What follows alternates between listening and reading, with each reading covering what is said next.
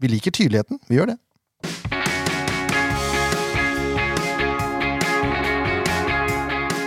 Ja da, mine damer og herrer, det er SF-podden, episode 211. Woho! Og mitt navn er Jørn Werner Graner Horntvedt, og med meg i studio har vi Leif Tore Markmann, Det har vi. Ken Inge Stensrud, Hallo. så har vi Espen Bugge Pettersen. Yep. Sjefen sjøl! Sjefen sjøl er klar. Det er veldig bra.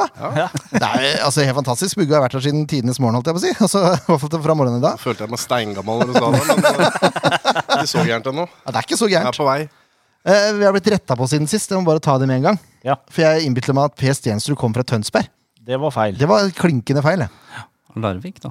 Nei, ja, han er fra Sandefjord. Berjan. Han er fra Berjan. Ja. Så jeg bare beklager til Per Stensrud. Men jeg innbilte meg Jeg var, Hva var ung, det? vet du. Ung på den tida. Var det Per sjøl som måtte si fra? Nei, nei, nei, det var en klassekamerat av han. Ja. Men da har vi fått oppklart det. Kjempebra. Han gikk til Tønsberg etter karrieren i Sandefjord, ikke før. Det er mots i motsetning av deg, da, Espen. Ja, vi gikk jo hver vår vei. Jeg, var jo sammen med Per her i starten. Ja. Først, uh, det, det spørsmålet kunne du spurt meg om hvor han, uh, hvor han kom fra. Hvor han dro fra. Ja, men Du var ikke her forrige uke! Nei, det var jeg jo ikke. Det var jeg jo ikke. Men, uh, nei, men per, per og jeg vi kriga om plassen i uh, starten av min karriere her. Og så begynte jeg Jeg pendla til Sandefjord, og Per begynte å pendle til Tønsberg, og flytta til Tønsberg etter hvert. Så du vant, da, kan vi si. Jeg vant Sandefjord, og han vant Tønsberg. Ja, da. Da, Det er ikke den deler vi likt. Vi skal, vi skal ta opp det der med, med politisk korrekthet etterpå, Espen. Da er det i hvert fall bedt rett person inn i studio. Ja, det er nydelig. Ja, det- her har jeg gleda meg til lenge. Ja, Vi, jeg husker ikke når vi avtalt, avtalt vi på SF Awards, litt utpå kvelden der. Ja, da eh, Både du og jeg husker sikkert litt sånn halvveis fra hva vi avtalte og ikke avtalte. Mange avtaler blir Det ble inngått gjort på veldig mange, det tror jeg. absolutt. Ja, Men eh, vi har i hvert fall gleda oss en stund, det har vi. så det er bra. Eh, bare ta, ta tak i én ting før vi starter. Eh, vi hadde en litt sånn uheldig eh, jeg vil, Hva skal vi kalle den flåsete, da? Ja. Kommentar om selvmord. Og jeg vil bare understreke at det er ikke noe spøk. Selvmord. Nei, jeg tuller ikke. Nå skal jeg, nå skal jeg se på meg Jo, nå skal, jeg være, eh, nå skal jeg være litt alvorlig her. I 2021 så var det 482 menn og 176 kvinner som valgte å ta livet sitt. Og det er 658 tapte liv for mye. Ingen er tjent med at noen velger å ende livet sitt. Og jeg garanterer at hvis du sliter med noe, så er det noen som vil hjelpe deg. En kompis, familie, altså hva som helst. Du må bare åpne deg opp til noen, og det pleier å hjelpe i mange tilfeller. Og hvis ikke du har noen i nærheten, helsepersonell, eh, familiemedlem, kompiser, hva som helst, eh, så kan du ringe hjelpetelefon på Mental Helse. Og det er telefonnummer 116123.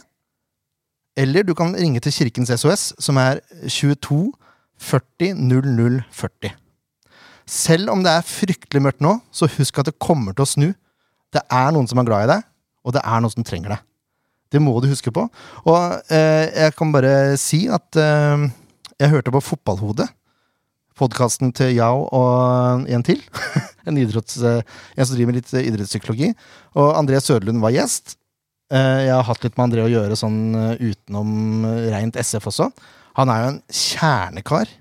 Men han snakka om akkurat det her, om prestasjonsangst i fotballen og at han holdt på å ta livet sitt og litt sånn diverse. Så det gjorde litt inntrykk på meg å høre på den podkasten. Uh, André er en, altså han er en kjernekar uten like.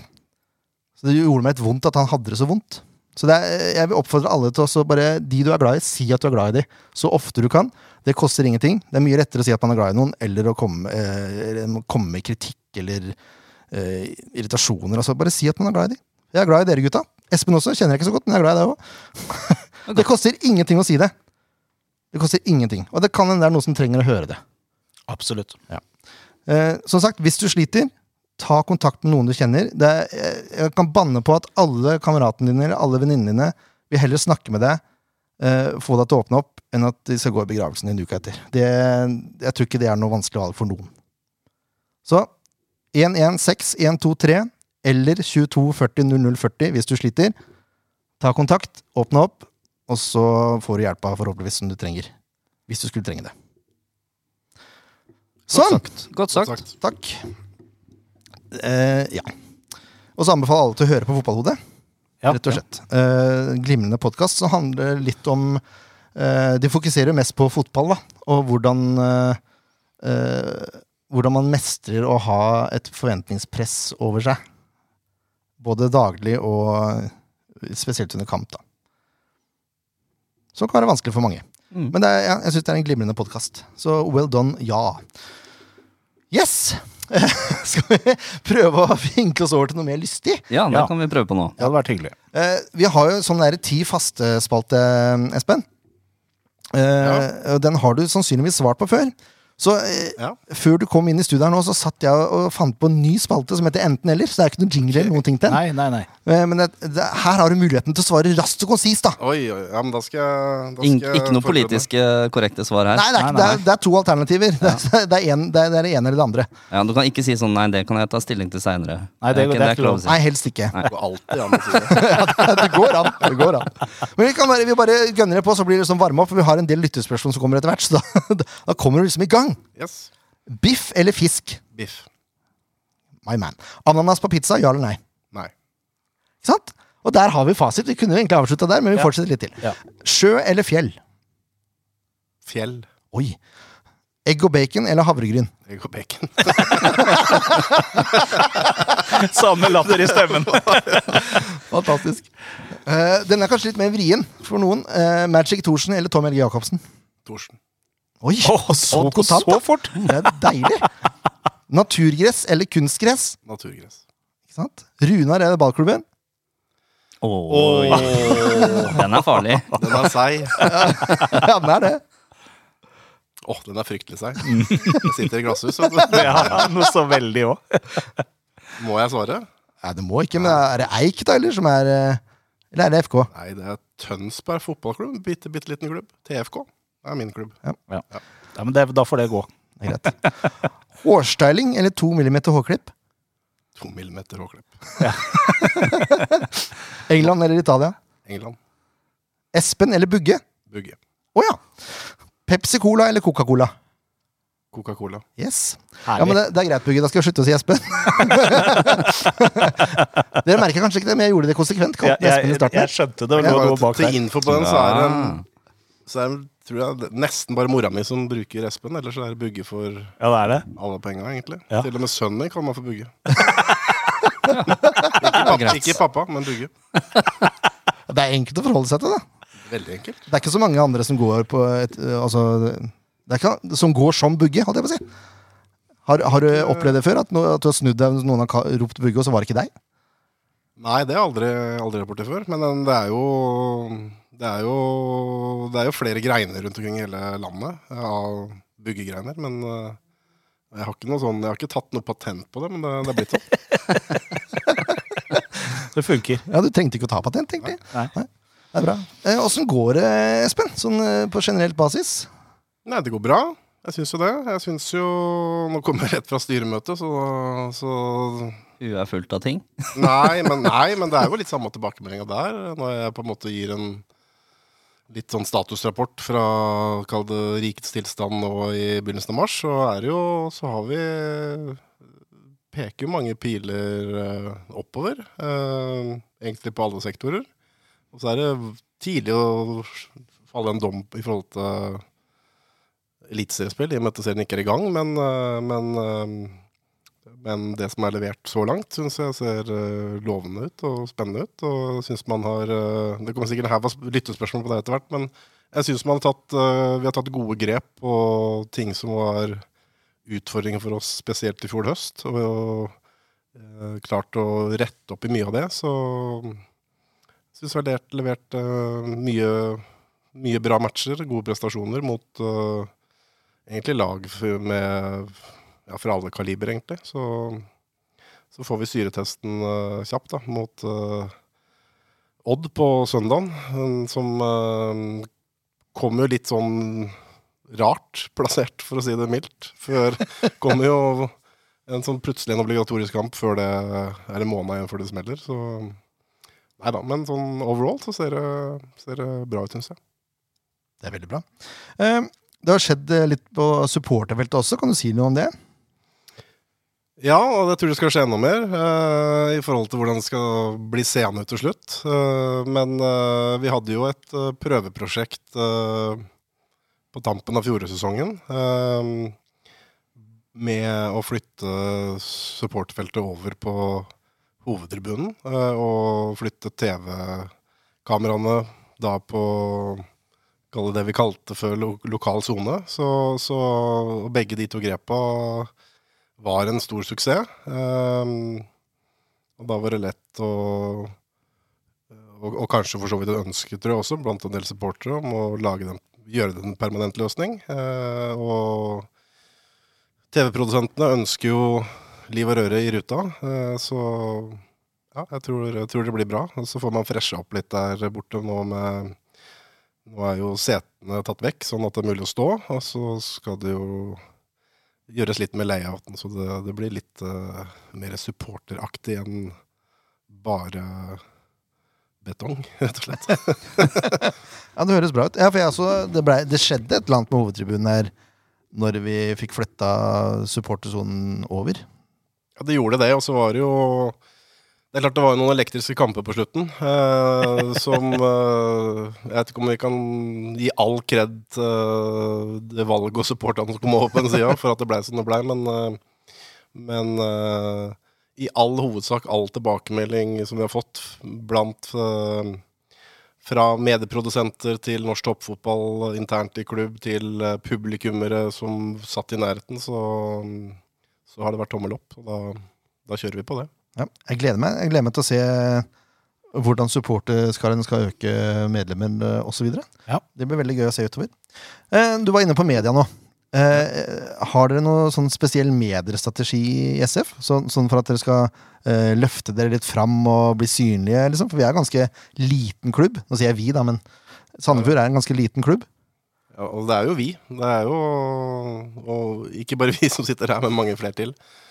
Eh, ja, vi har en strategi på det, og vi har jo Vi har Hva skal vi si? Vi har eh, Om ikke søkt ulike retninger, så har vi jo Det er, det er veldig splitta i forhold til hvem som faktisk PT er blodinteressert, hvem som er in veldig interessert, interessert og litt interessert, og uinteressert. Uh, og så er det nok litt her som ellers i landet at publikum som kommer på kamp, blir eldre og eldre for hvert år som går.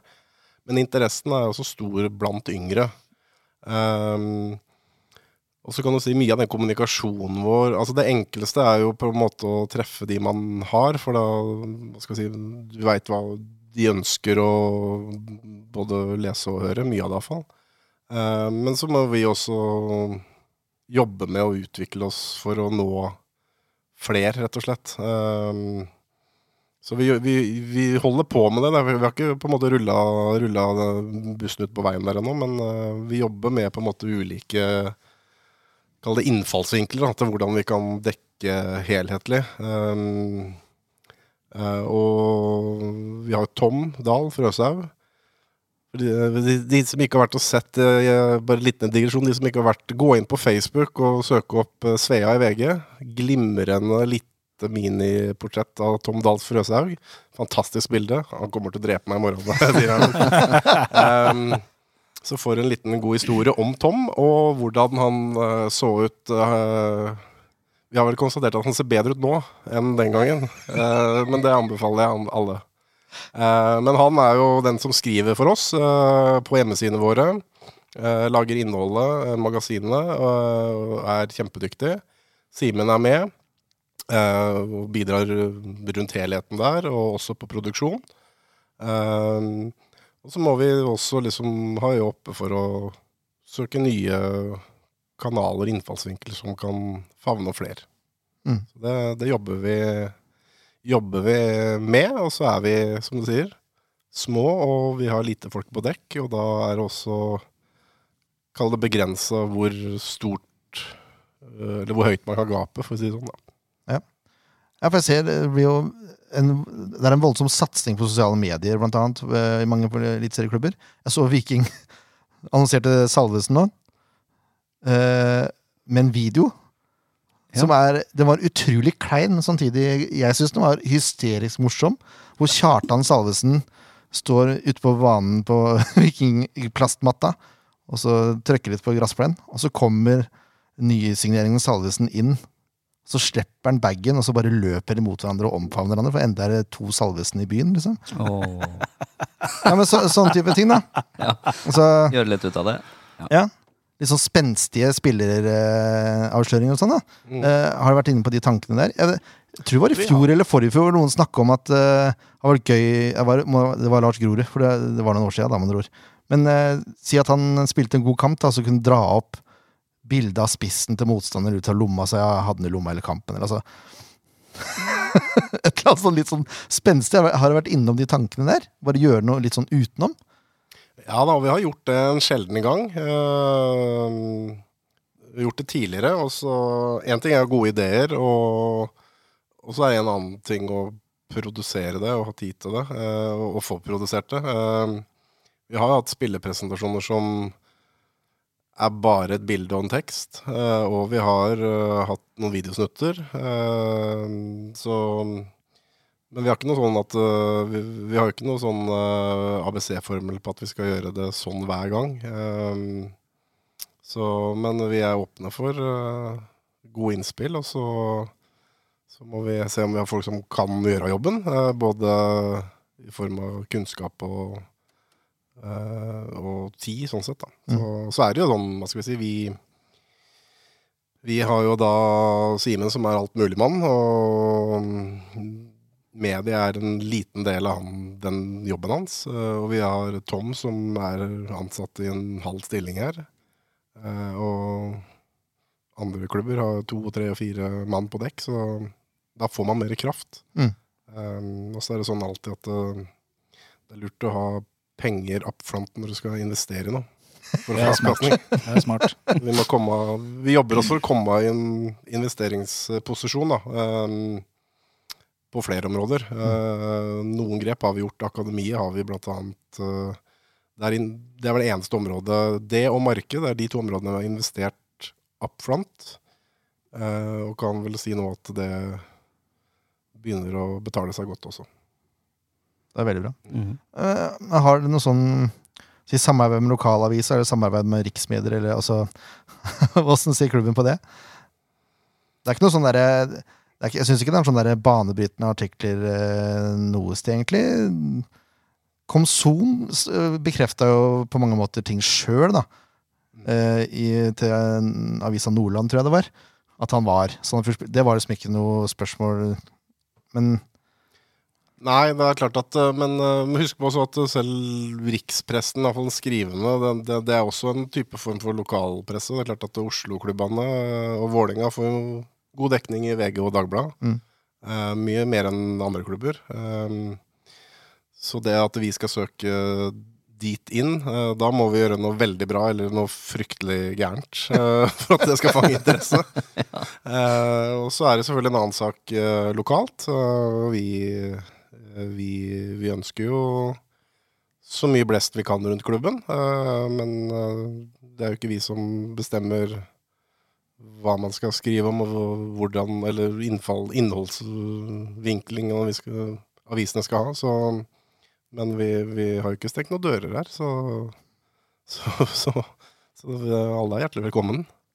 Ja, for det, det er en ting da som jeg har oppdaga, eller å, har oppdaga, men vi, vi er jo litt her oppe. Vi vet jo det at det er bare til å komme inn og si hei. Men det, jeg tror ikke allmennfolk, altså folk i Sandefjord generelt, tror jeg ikke vet det.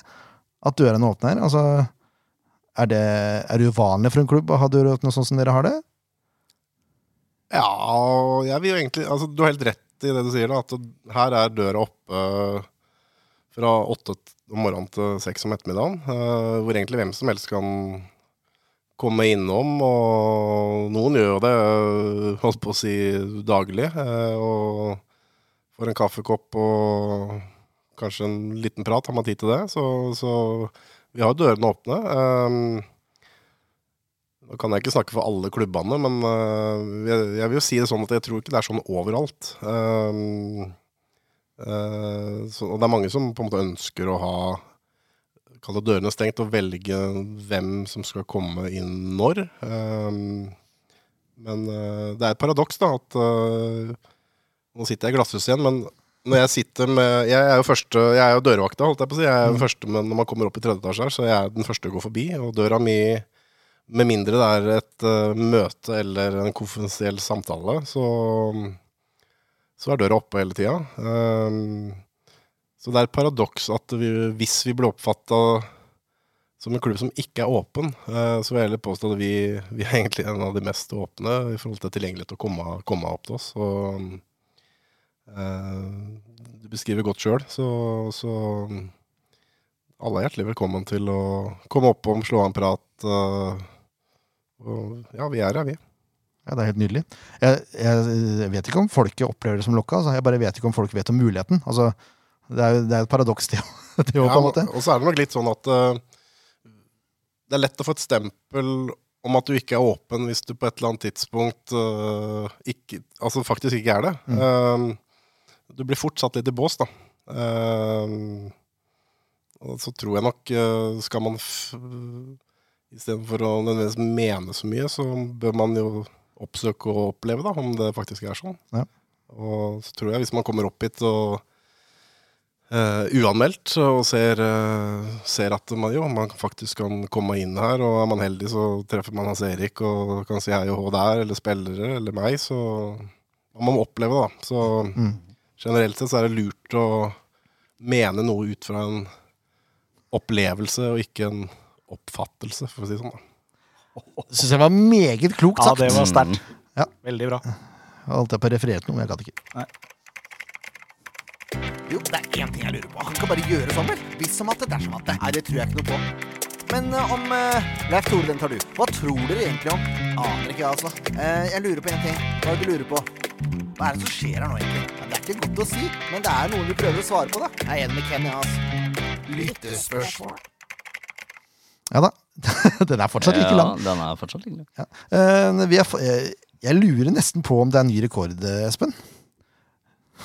Espen. Ja, er mange som lurer på mye. ja. bare å- Det er kommet masse. Det er kommet masse spørsmål. Eh, og eh, noen er jo litt like. eh, og jeg har ikke sortert Jeg har sortert etter hvor de har kommet, ikke innhold. Så vi får bare leve med at eh, det kanskje blir litt repetisjoner. Men det er vel bare til å gå rett på. Og da er de første spørsmåla fra Twitter. Gode, gamle eh, Twitter-tjenesten, altså. Eh, Magnus Aasenden, M. Eh, ja, det er mye a-er her. Masenden, for å være nøyaktig. Spør. Hva er målet for klubben i sesongen som kommer?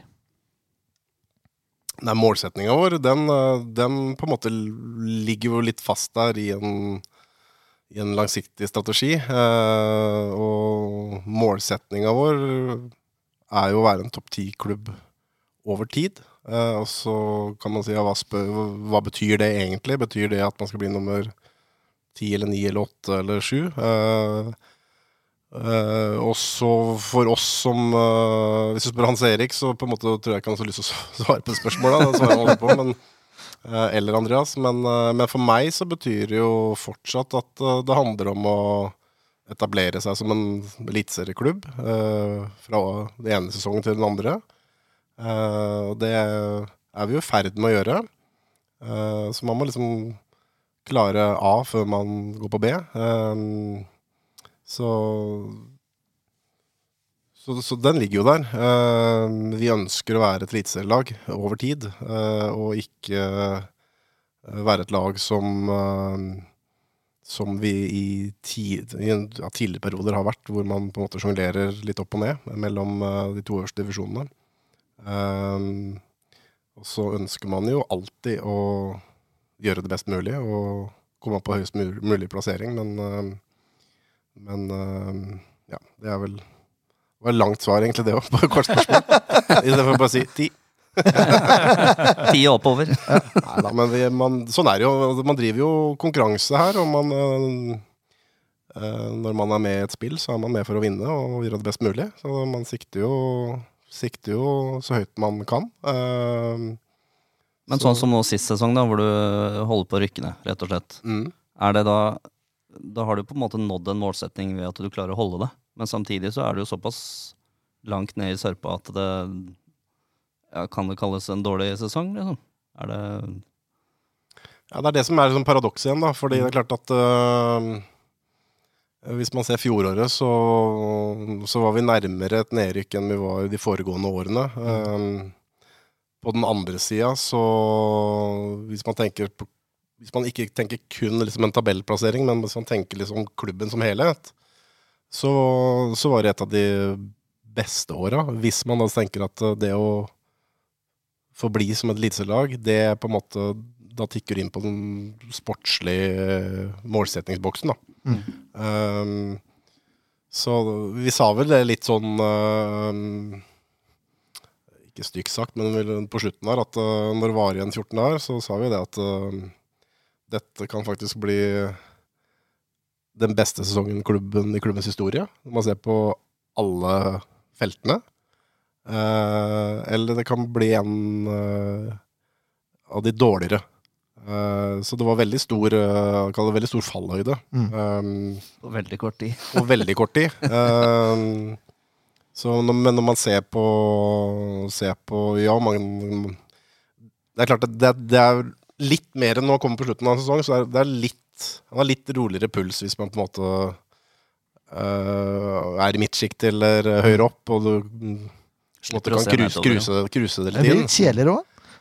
Det er jo det. Og så vil jeg si det, hvis man uh, tenk, tenk tilbake igjen på de to siste matchene her, uh, spesielt mot, uh, mot Haugesund og Kongsvinger, så de hadde man ikke opplevd hvis man hadde safa det inn.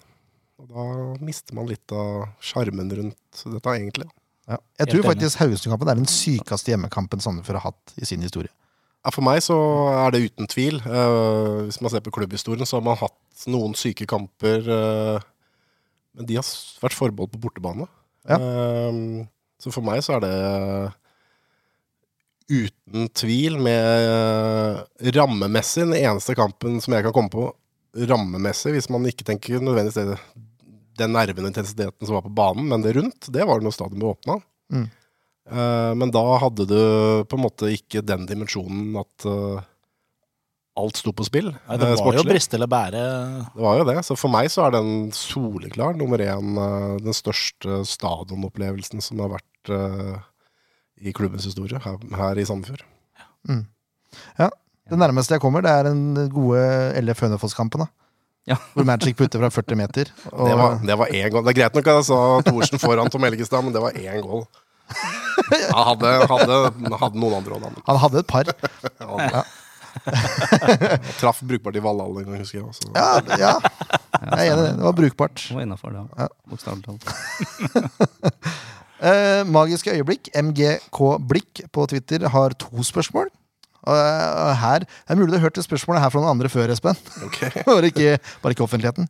Eh, da du sa at SF kom til å gå inn i 2023-sesongen med en bedre stall enn 2022, var det da ment at spillernivået skulle bli bedre, eller at eh, spillertypene passer bedre i taktikken?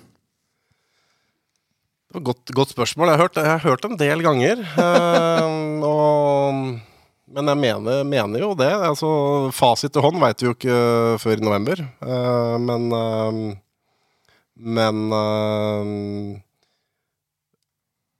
klart, noe av det Det ble sagt i stundens ikke alvor, men kanskje i gledesscene på, på Gjemselund. Eh, men det er klart at eh, hvis man ser på fjoråret, så hadde vi det, altså når det kommer til hver, hverdagen, så hadde vi en treningstilgjengelighet på en tropp på under 70% Det betyr at eh, Det tre, tre av ti eh, kunne ikke trene hver dag. Uh, og det gjør noe med kvaliteten i det daglige arbeidet, og det gjør igjen noe med kvaliteten på søndagen. Eh, og liksom for å, ha, for å ha litt sånn sammenligning, da, så er det mm, Hvis du skal ha godkjent i forhold til tilgjengelighet i hverdagen, så bør du være på ja, 2,93. Og helst 95 i match. Mm. Mens når vi var under 70, så sier at det her har vært uh, mye tilpasning og mye folk ute. Mye, mange som har vært utilgjengelige.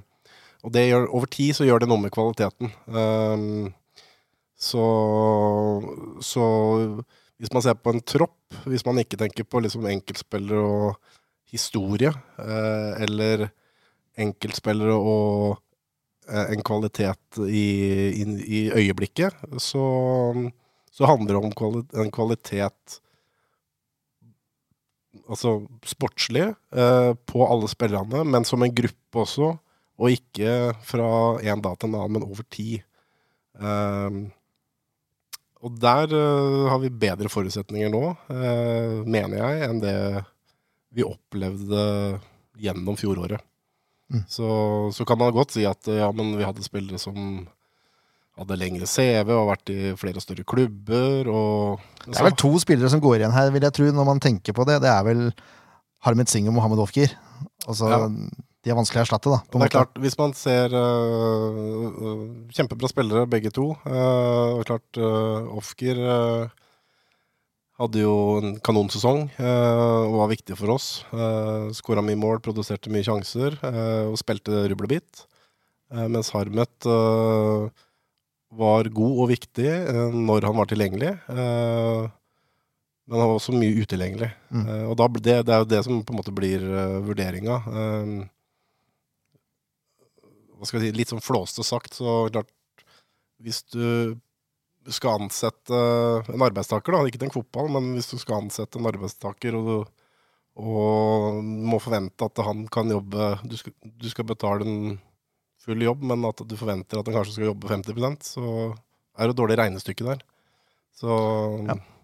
så men er, sånn er det i det gamet. Det er, det er tøffe valg. Eh, Jeg har kjent Harmet lenge. Vi, vi spilte sammen i Molde for mange år siden. og Han har gjort en fantastisk eh, jobb i den perioden han har vært her. eh, Og utvilsomt vært viktig for oss. Eh, Og så er det sånn i fotballen at det er, det er tøffe valg, og så må jo spilleren også ønske å være her, sånn sett. Så det er klart Men jeg skjønner at folk stiller det spørsmålet om en tropp. Og så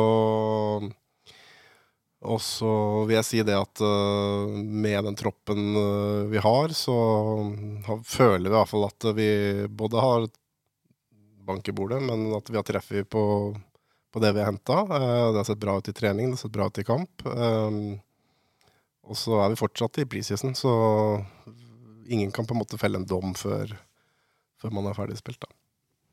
Enig. Og så går man eh, Man bygger lag istedenfor profiler. Kan man si det? Ja, men du må gjøre begge delene, ikke sant? Ja. Uh, hvis man ser på Ofker ta, fjoråret, så Han var jo ikke noen profil når han kom. Han var en lagspiller, og så blei han en kjempeprofil underveis. Og da blir man solgt. Uh, og det er jo litt sånn det funker. Uh, for vi er ikke i en posisjon til å hente prof- profiler. Eh, vi må bygge dem, eh, men vi må bygge dem gjennom laget, rett og slett. Magisk øyeblikk har ett spørsmål til, og det er har overgangsvinduet gått som planlagt, eller har det blitt eh, alternative løsninger?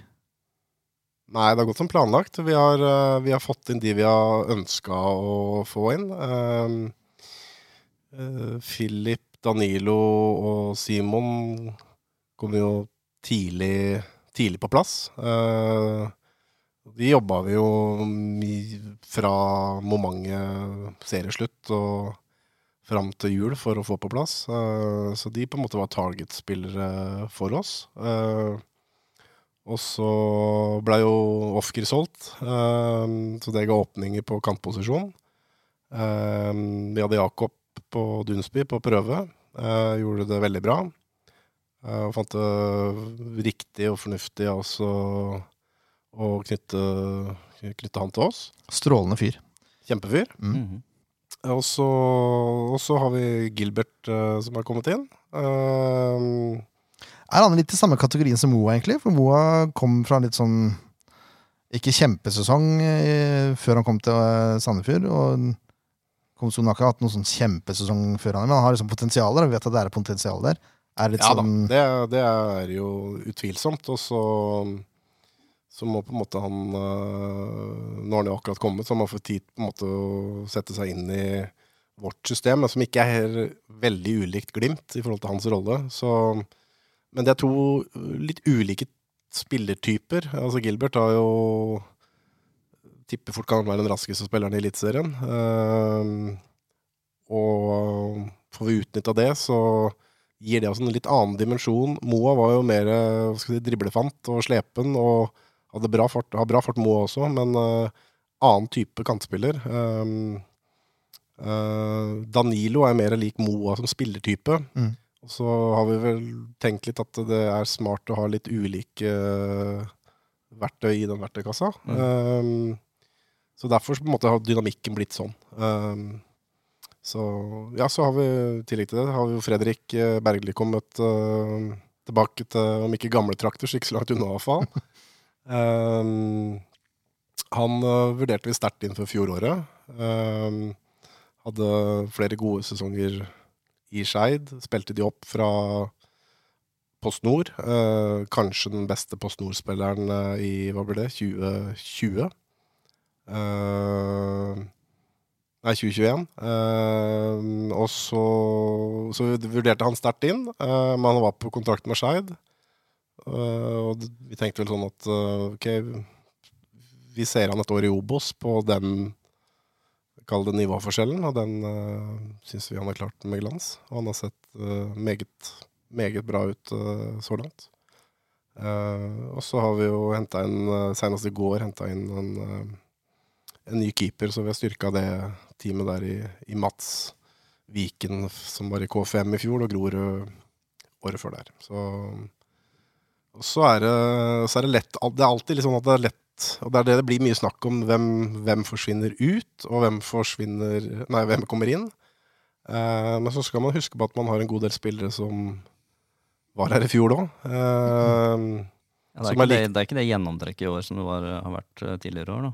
Det det Nei, det er det jo ikke. Og, og hvis man ser eh, Nå har jo på en måte vi som klubb eh, hva skal jeg si, hatt litt tradisjon for at det har vært veldig stort gjennomtrekk fra år til år. Um, og så har det vært mer styrt etter fjoråret uh, enn tidligere. Uh, vi har hatt noen år hvor uh, mange spillere eh, som spilte alt og var eh, levert eh, var våre beste. Alle var på utgående. Den kategorien var færre, etter vår mening, da etter fjorårssesongen. Så vi har følt at vi har sittet i en bedre posisjon sånn sett. Uh, ja, rett og slett. Eh, så er det Sandefjord Trey. Uh, han har bygd opp brukernavnet sitt mistenkelig likt som eh, Magisk øyeblikk, bare sånn for å nevne det. Eh, SFJ Trey på, på Twitter. Hvor ser du Sandefjord fotball om fem år? Jeg ser for meg at vi, eh, vi fortsetter på en måte på den, eh, den veien som er lagt. Eh, Vi vokser for eh, fra år til år. Eh, Litt større, litt, litt større økonomi. Vi har hatt litt flere folk på dekk generelt i klubb. Bevisst handling. Også med tanke på å generere mer inntekter. Og så handler det om sportslig å ta, ta de stega, steg for steg. Eh, og det Jeg føler at vi er eh, Selv med en eh, kvalikplass der i fjor, så føler jeg at vi har vi har tatt steg, og vi har lært mye underveis. eh, alle som en som har vært der. Så jeg håper jo om fem år at vi er i en posisjon hvor, hvor vi er nærmere økonomisk de vi tross alt konkurrerer med. Eh, og at vi sportslig sett eh, kan være på øvre halvdel og, og kjempe. Um, og i det bildet, for i lite bilde av det, så er det jo Jeg vet ikke helt status i år, men hvis vi tar fjoråret, så var det jo Jerv, oss og HamKam som i forhold til økonomiske rammebetingelser, som var relativt like. Helt til HamKam solgte Solgte, de, Solgte alt. solgte det som var. Um, og da snakker, vi, da snakker vi et sted mellom 45 og 50 millioner. Og så er den neste intervallet, da er det bikka minimum 60, kanskje nærmere 70. Så det skal, vi skal en ganske stor prosentvis økning for å komme dit. Uh, men det er det vi konkurrerer med. Uh, hvis man tar bort de fire-fem største og fire-fem minste klubbene og finner en slags median, så er man nok, uh, tipper jeg, sånn 75-80 er en, et greit snitt, da, for å kalle det det. da. Så i år så er vi klart, eh, klart nederst, da. Hvis det Ja, men det er vi jo vant Tanken til. som kom opp, i hvert fall. Ja, ja da, nå med Stabæk og Brann opp, Så jeg leste vel det var i fjor, fjor høst der, Stabæk i Obos, de drifta A-laget sitt for 40 millioner, og det var eh, Da er det jo ikke langt unna det vi drifter hele klubben for. Eh, så, så det er en bit opp, men peng, penger er ikke alltid fotball. Penger betyr mye. Men det går an å utrette mye med mindre midler. Det, vi er et bevis på det. Bodø ikke nå lenger, men de, har, væ- de var også bevis på det på veien mot den suksessen de, de, de har hatt, eller fått. Så, så det er mulig. Uh, men uh, samtidig så betyr jo det at vi Det er litt flott å si at vi må være smartere eller flinkere enn alle andre, men vi må vi må treffe mer på det vi gjør. Eh, Vi, så, vi kan ikke bomme like mye som en større klubb, som på en måte kan kjøpe seg til eh, resultater i større grad enn det vi kan. Trening, vet du. Det er, det er viktig, det òg. og så har vi gode gamle Lasse Ødegaard. SF understrek Lace på Twitter. Bugge er så sjef at han svarer på alt. Nå er jeg spent. Ja. Eh, Jeg var også spent etter å ha lest det. Derfor må vi få et spørsmål eh, fotballklubben verdig. Nå er det bare å holde seg fast, Bugge. Okay. Er det ost eller skinke som skal øverst på skiva? Ost eller skinke som skal øverst på skiva? Mm. Ja, det er skinke. Ja, det er det, altså. Ja, det er lett. Osten må i bånn, Ja, ja. så den smelter ned på brødskiva når du setter den setter den i ovnen. Så du vil ikke ha osten smelta oppå Tyng, tyngdekraften vet du, smelter den når går nedover. Oi. Ja, men den, den smelter vel nedover hvis den ligger øverst òg? Ja, men eh, jeg, når, jeg, jeg, men jeg, jeg, ja, når jeg spiser det, så ofte så jafser jeg meg i den skinkebiten på første, så det er bare ost og brød igjen. Men Så det er egentlig et fett. så egentlig det var mye skinke på, er vel svaret. Det, Da holder ikke med en skive. er fantastisk. Ja, veldig bra. Ja, men det, altså, så det du sier er, Men du, smelta ost, så du, du kjører den jo om en hvis det er ost og skinke på skiva? Eller? Mikroen? Du kjører jo ikke mikroen, det er jo helt Nei, er jo helt nei, er du gæren? Nei, jeg, jeg kjører Ja, jeg kjører i ommen hvis jeg, jeg er Sjelden øh, Nå har jeg blitt så flink, nå går det bare knekkebrød om dagen. Fikk jeg, jeg fikk passet påskrevet hjemme at øh, nå har det skjedd noe bugge, sa sønnen min. Så nå Jeg var jo flink, da. Jeg, jeg, jeg ga meg som spiller i 2018. Og så, Nå snakker jeg meg helt bort fra spørsmålet, men Nei, bare for en liten historie. Og så, og så fikk jeg en haug av advarsler i det jeg ga meg, at ja, nå må du, må du passe på for noe. Fem kilo i året, det er liksom snittet. At man går opp når man legger opp. Så, så holdt jeg meg sabla godt til å, til å trene jeg, jeg, jeg, skal innrømme nada. Eh, holdt meg godt gjennom 19, eh, og for så vidt 20, selv om pandemien kom, og det ble mye hjemmekontor og stillesitting. Eh, og også gjennom 21, og så kom 22, da, hvor på en måte, da var det jo som å slippe hestene ut på beite igjen. ikke sant? Så da, da gikk det gærent. Gitt. Så, så nå har det vært uh, Nå har det vært uh, stålkontroll på kalorier, rett og slett. Så, så brød, det har jeg egentlig kutta ut. så, I hvert fall når jeg kan. Ja. Det er, det er Så så da- godt nok, det. Ja. Så da, er det, da, er det, da er det faktisk ikke brød og ikke ost og ikke skjenke i det hele tatt. Det er bare tørt knekkebrød. Ja, det er, uh, Knekkebrød med salt. det er tørt knekkebrød med, med Det kan jo være det, men, men hva skal jeg si, mag, magerost må det bli, da. Det må bli sånn lettost.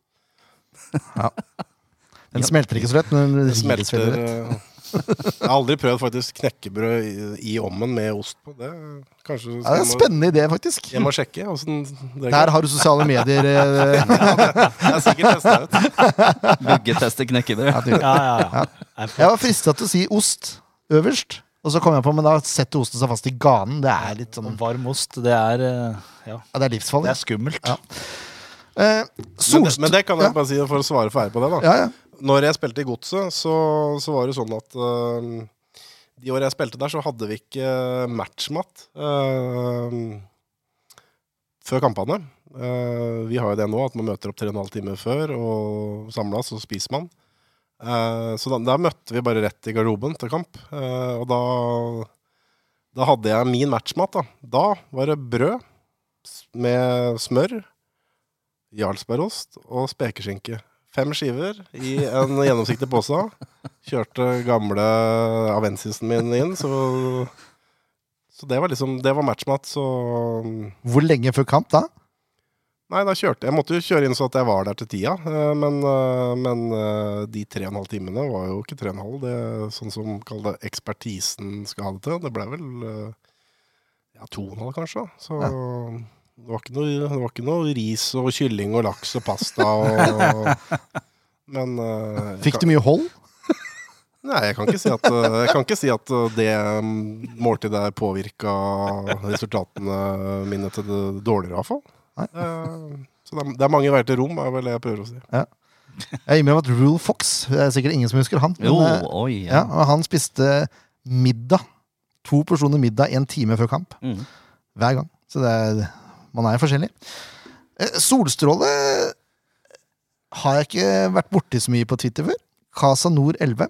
Men han har et spørsmål hvor han har tagga Buggel Wesseltoft. Vet du om det er? eh, Ja. vet du? ja. Er du god på piano? Da, da har han ikke sett hendene mine, for å si. Her er det bøyde fingre, og det er ikke leddgikt, men det er, det er svære, klumpete fingre. Og det går ikke an å Nå viser jeg panelet her, men det går ikke an å rette dem ut eh, flere ganger. Så Gode, gamle keeperfingre, det der.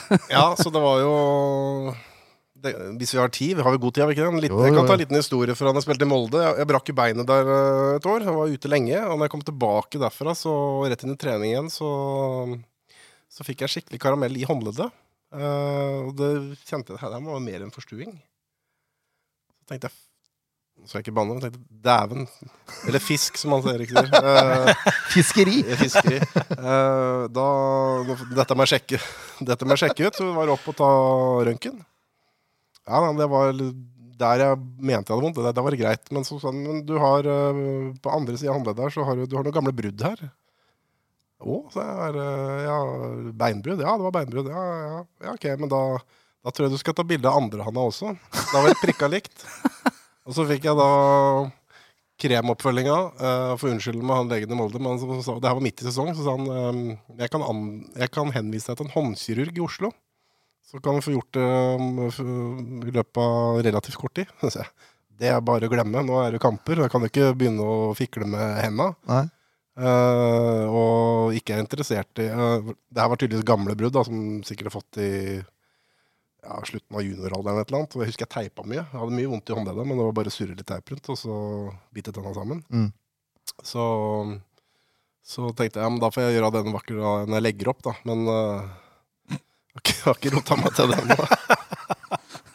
Men, men, men generelt, ikke bare i forhold til piano, men jeg er, jeg er øh, ikke en veldig musikalsk person. Uh, er du heldig, så får du se meg på, i karaoke en gang. Og det, det skal jeg fikse sånn Ikke bra, men Jeg skal ikke drite meg ut heller. eh, men greit minus. Men når det kommer til instrumenter, så jeg kom ikke Jeg, jeg klarte ikke Tom Dooley i sjette klasse på gitar engang, så Ja, det er, for, du, er ikke, du er ikke så håpløs at ungene ba mamma synge nattasangen, liksom? Nei, det, det Nei, de ba vel ikke om det, men det var hun Storse som gjorde det. Eh, men Nå var jo de, eh, de jeg, var ikke, jeg var mye på farta i den perioden. Eh, Det var mye av den perioden var i Molde, når vi, eh, vi var mye eh, av gårde på treningsleirer og kamper og e-cup og landslag, så, så, så det ble en stritørn for uh, madammen, men uh, men uh, nå har jeg i hvert fall jeg har Kona mi og ungene de er jo mye mer musikalske enn meg. Så vi har både to gitarer og piano hjemme. Ordentlig piano. Og guttungen har en elpiano på rommet, men det er forbeholdt de, for å si det sånn. Har du ikke- våga deg bortpå også? Du må bare prøve det. Nei, jeg skal vel eh, Jeg skal vel kanskje klare en sånn Lisa gikk til skolen på piano hvis jeg øvde noen ganger, men, eh, men eh, jeg tror det stopper der. ja. Nydelig. Eh, hva er det jeg skulle si nå? Jo, eh, Bugge Wesseltoft. Brukbar jazzpianist, eller? Ja, han er jo det. Bugge likte, altså Westertoft eh, likte for øvrig det spørsmålet. Ja. Så vet du det. Morsomt. Eh, Håvard VG, Havard VG på Twitter, eh, spør om de fortsatt jobber med en ny spiss inn, eller om det kun er Volley som skal figurere som backup. Utgangspunktet nå er at vi, vi er fornøyd med de gutta vi har på plass. Um, og vi ser, vi ser at uh, vi har flere som kan bekle den topprollen uh, der, av Alex og Wally. Ehm, vi har både en Gilbert som kan være et våpen der, eh, litt avhengig av kampbildet. Franklin eh, Spilte mye der i preseason i fjor og var god der. Uh, Skåra en del. Så, så vi har alternativer. Så vi jager ikke Vi jager egentlig ikke flere spillere inn, eh, inn for øyeblikket. Den er grei. Bare for, å, bare for å klargjøre det, det du egentlig sier, er at det, de overgangene som er gjort per nå, det er de vi har tenkt å gjøre hvis ikke det skjer noe helt spesielt. Ja Det var klart. Ja, Ja. var ikke det det? Torsi83, ringer vi noen bjeller nå, Stensrud? Ja, det kan jo tenkes. Tor Christian Stensrud. Ja. Ja. Ja, så nå er jeg spent. Nå er jeg spent. Du har ikke sett det? du får spørsmål? Nei, nei, nei det, er, det er faktisk til deg. Ja, ok. Eh, det er mulig Ken Inge har eh, svar på andre del av spørsmålet. Vi kan ha det første delen først. Oh, ja. Ja. Hvis du hadde hatt valget mellom å starte første halvdel av sesongen som i fjor, og avslutte på samme måte, eller gjøre det motsatt vei, hva ville du valgt? Med samme utfall, tenker man på da sikkert, da, resultatmessig. Sikkert. Nei, da det er jo Jeg ville jo Jeg ville jo Nei, jeg ville snudd, egentlig. Hvis, jeg, hvis det hadde vært valget. Mm. Um, Ja, for det hadde blitt litt sånn Kristiansund, eh, egentlig. ja, eller Odd, kanskje. Enda bedre. De lå jo bak oss halvveis, eh, og ble nummer fire, ble de vel. Så Ja, stemmer. jeg tror heller jeg hadde tatt den, altså. Mm. Og så Jeg Er det har på- lest det. er det på tide med et kvotesystem i norsk toppfotball, der lagene nå må ha et visst antall rødhårede tilgjengelige i troppen hver kamp. Godt spørsmål. Godt spørsmål. Det, Da tror jeg man fort diskriminerer eh, både folk som ikke Sorry, jeg kikka på Leif Tore. men- Så folk som ikke, har har fullt så mye hår, og kanskje andre ting. Så jeg tror man skal være litt forsiktig med kvotere inn på, denne, på basis av det. Ja, for Det kunne jo fort blitt et krav da om at eh, hver klubb måtte ha et visst antall skalla, middelaldrende, halvfeite Ja. mannfolk med litt dårlig ballfølelse. Det, jeg vet ikke om det er samme kriterium som å være rødhåra. Det, Nei, po det tenker, positive eh, med det er jo at uh, skotsk fotball hadde jo fått inn hauger med penger. For folk hadde blitt rekruttert derfra. Ja, det er vel Torsi som egentlig lurer på om, uh, Om han Hvis han kommer spille. i form en gang igjen, Ja, om, han- om han har muligheter uh, å komme inn via kvotering. det kan jeg svare på. Nei. Han stiller på lik linje med alle sammen. Det er bare å komme og møte opp Ja, og trene. Kjempeidé. Ja. Ja. Så blir han tatt ut hvis han er god nok. Det, er, det, er det. Her fikk du den, Torsi. svarte jeg for begge. Ja, veldig bra. Eh, Så har vi fått eh, de nye stjernene i Podkast-Norge, som fotballmessig har stilt oss noen spørsmål. Den 69. mann-podkast. Den 69 mann. 69 mann. Ja. to spørsmål. Én. Hvordan jobbes det i Sandefjord før overganger? Hvem scouter? Brukes det kun data og video, eller er dere fysisk ute og ser spillerne live? Ehm, hovedbolken handler om det første. Ehm, vi har jo etablert vår, e vårt eget uh, stats scouting analyseprogram. ehm, som på en måte er rett og slett en filtrering, da. eh, ut fra posisjon og de parametrene vi sjøl har lagt inn, som er en haug av parametere. Ehm, og så er det da, ideelt sett da, så står man igjen med noen navn, eh, og så ser man de mye helst live, eh, men det er på en måte, det, tida begrenser seg sjøl i forhold til hvor mange vi er. Vi har jo ikke noe ansatt scout som er ute og ser mye, men vi har, eh, vi har jo mange som kan se for oss rundt omkring. eh, For så vidt i hele Europa, eh, hvis vi har treff på en spiller. Så, men vi ser til syvende og sist ser både jeg og Hans Erik og Andreas Alle vi ser på den samme spilleren, men ikke live, da. Før på en måte man beslutter noe. Så vi har folk som vi kan ta i bruk for å bistå. Eh, og så er det jo vår vurdering til syvende og sist som på en måte avgjør, da. Får dere eh, video tilsendt òg? Det var vel en greie for noen år siden at det var eh, Ja, folk Hva heter det? Agenter sender jo videoer av spillerne sine. Ja, det, det er en annen sak når en agent sender en video av en random spiller. Så, så Og det er nettopp det som er på en måte metoden her, da, istedenfor at vi da skal se på to minutter av uh, Skrytevideo. to minutters video av 100 kantspillere, venstre kantspillere, så ser vi heller uh, to timer av færre, for å si det Ja. sånn. da, Vesentlig færre. Så, Eller enda mer. Så det er jo sånn man jobber inn mot en uh, ny sesong Uh, Det blir mye tid med, til å dypdykke seg inn i det for vår del når sesongen uh, Altså i desember, når sesongen er over.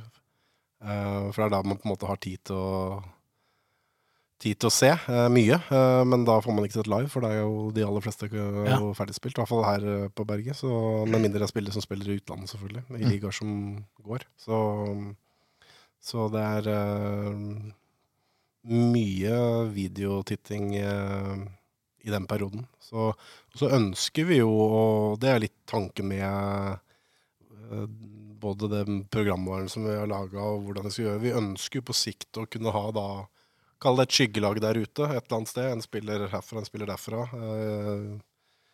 I en i en liga kan være i Eliteserien eller Obos, en i en annen liga på kontinentet. At vi har laget skyggelag som vi kan følge over tid. Da, sånn at eh, når man er i posisjon uh, Og det er mye ting som skal klaffe for å få til en overgang, så, men når man er i posisjon, så kan man da gå til aksjon da, for det sånn, da, på den spilleren for å For da har du oppdatert info om Den får vi, den, den får vi løpende, på en måte. mm.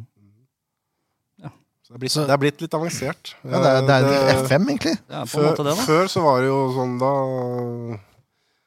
Da reiste man jo veldig bare rundt egentlig og kikka, eh, for man hadde ikke hadde ikke det tilgang på disse verktøyene eller analysematerialene, men det har blitt en kjempeeksplosjon. Det er jo svære firmaer som på en måte driver med dette aleine, hvor man kan kjøpe deres programvare og få oversikt over eh, alle ligaer i hele verden. Uh, Kom på hvor mye man er villig til å betale for det. Så Nå ble jeg litt nysgjerrig, for da går det etter si et tallsystem, da, på en måte. Si at du trenger en uh, høyreving som har 15 med fart, for eksempel.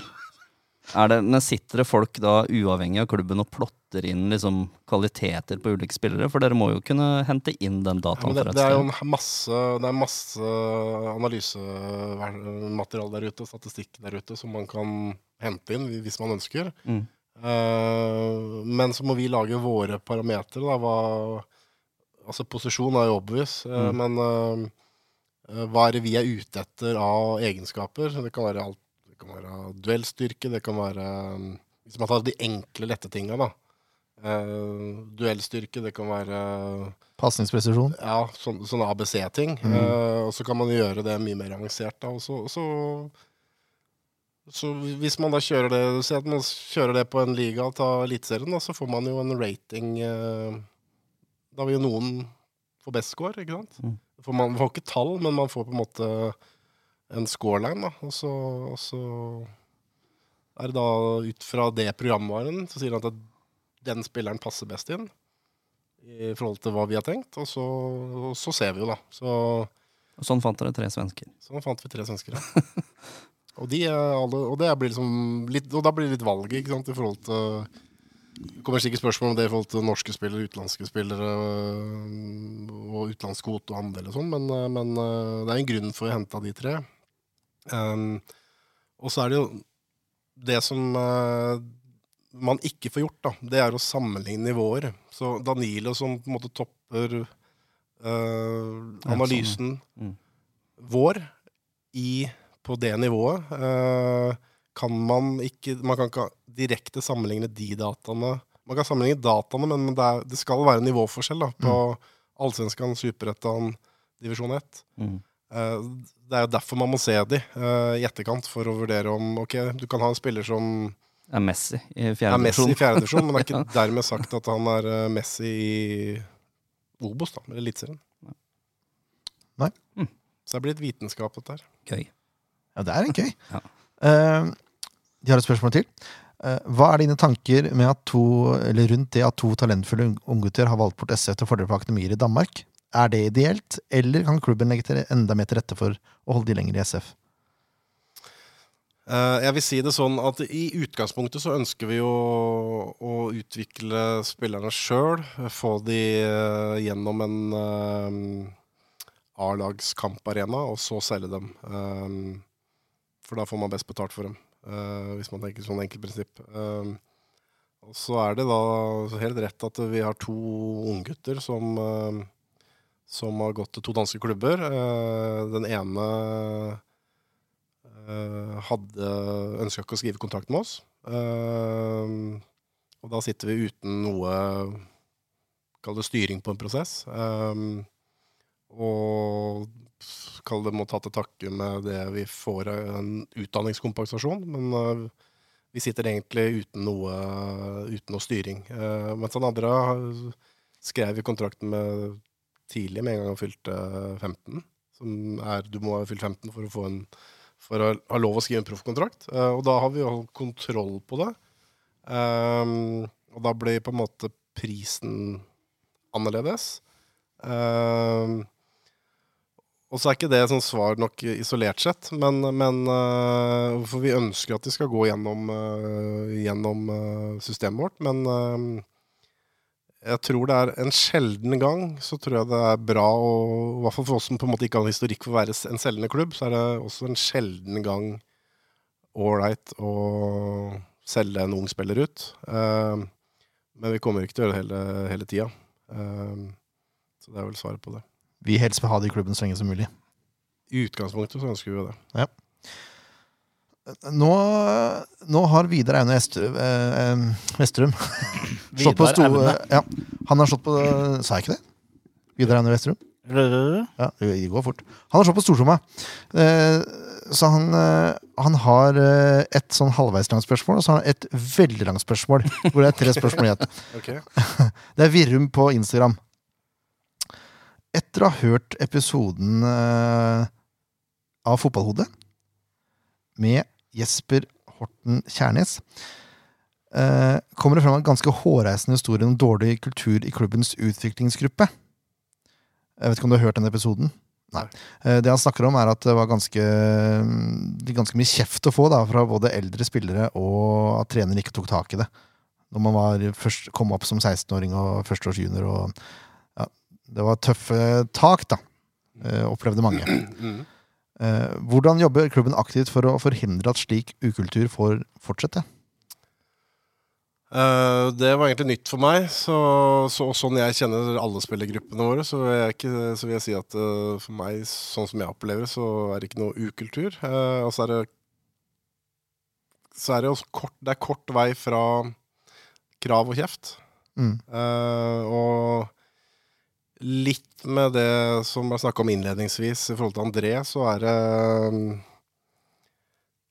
Det, det er det er, det er trangt nåløye.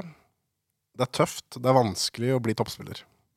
Uh, og det er mange ting man, må, man opplever. Uh, mange ting med negative fortegn. Uh, som man på Holdt på å si ikke en eller annen måte, men som man må stå i. Men som er tøft. Eh, jeg har ikke noe opplevelse og heller ikke fått noe tilbakemelding verken fra spillere, trenere, foreldre på at eh, det, har vært en, det er en kjeftkultur eh, i noen av lagene våre. Men den kjeften som er kritikk for å pushe hverandre til å bli bedre, det er en del av det å utvikle seg til å bli en toppspiller. Um, og det er en del av pakka. Uh, og så kan man heller adressere ok, hvordan kan man, kan man jobbe med enkeltspillerne for å lære å håndtere, håndtere det. Uh, det er en annen sak. uh, som vi også sikkert kan bli mye bedre på. Men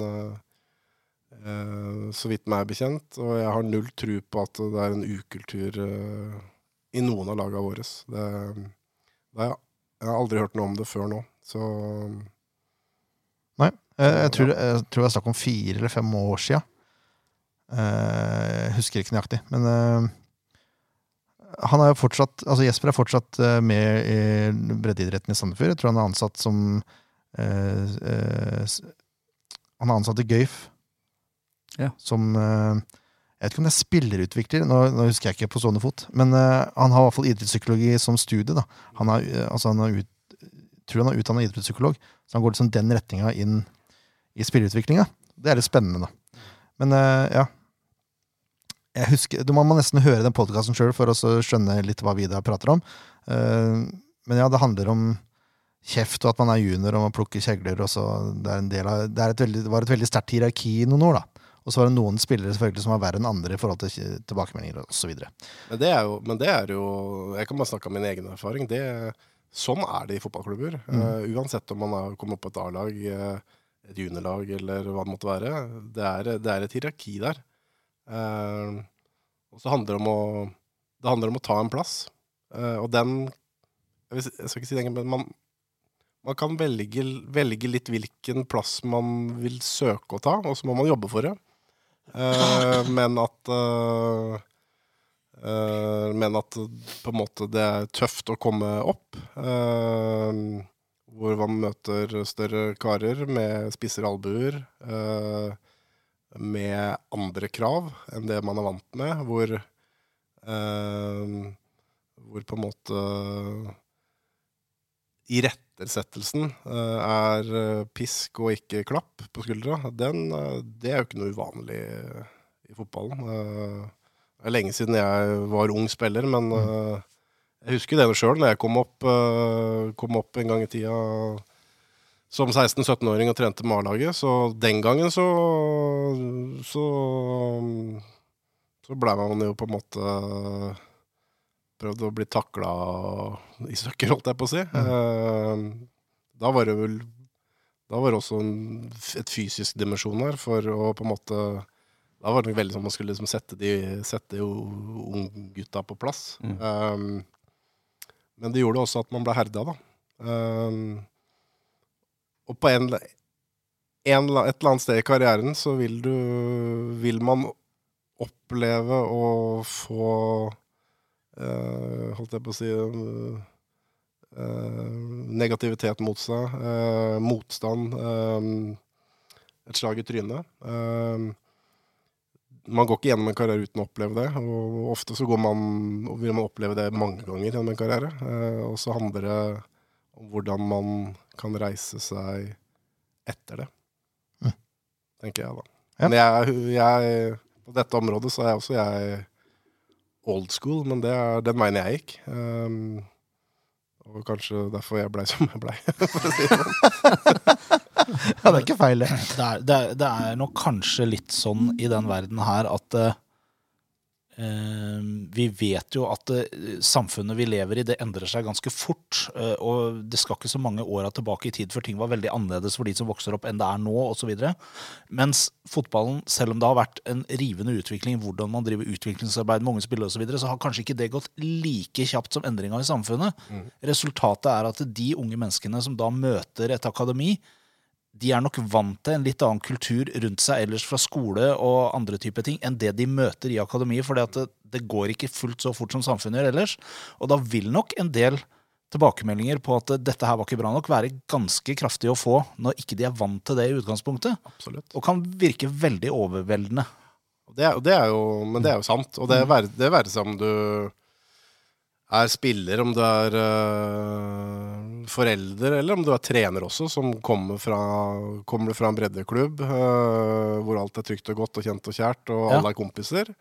Så kommer du her inn i et utviklingsmiljø som, men hvor du egentlig fra dag én står i en konkurranse. Uh, litt sånn ubevisst fra starten. Den konkurransen blir sterkere og sterkere etter hvert.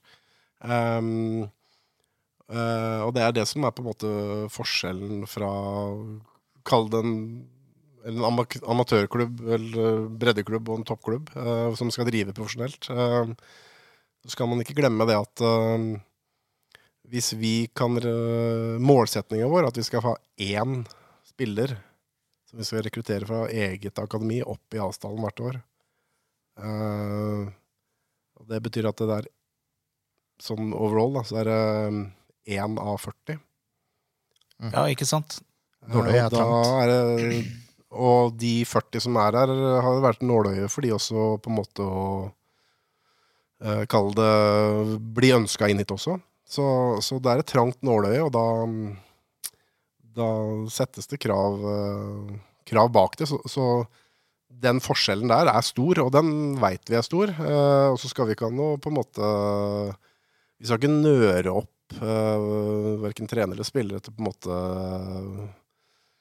kjefte i hjel andre. Um, men, uh, men, man blir satt i en konkurransesituasjon. Og, og, så er paradokset at vi i Norge er jo kjempesnille mot hverandre når det kommer til dette. Kommer du til utlandet, så er det Ja, det kan jeg leve da, med. er, altså, da tar du beinet på konkurrenten din for å spille. Ja. Omtrent. Så, Ja. så det er klart at uh, De bryr seg ikke om du kan språk heller. Er Nei, nei, nei. greie. Så, så i Norge så er vi på dette, dette området Sett mot internasjonalt, så er vi egentlig, egentlig veldig, veldig snille. Mm.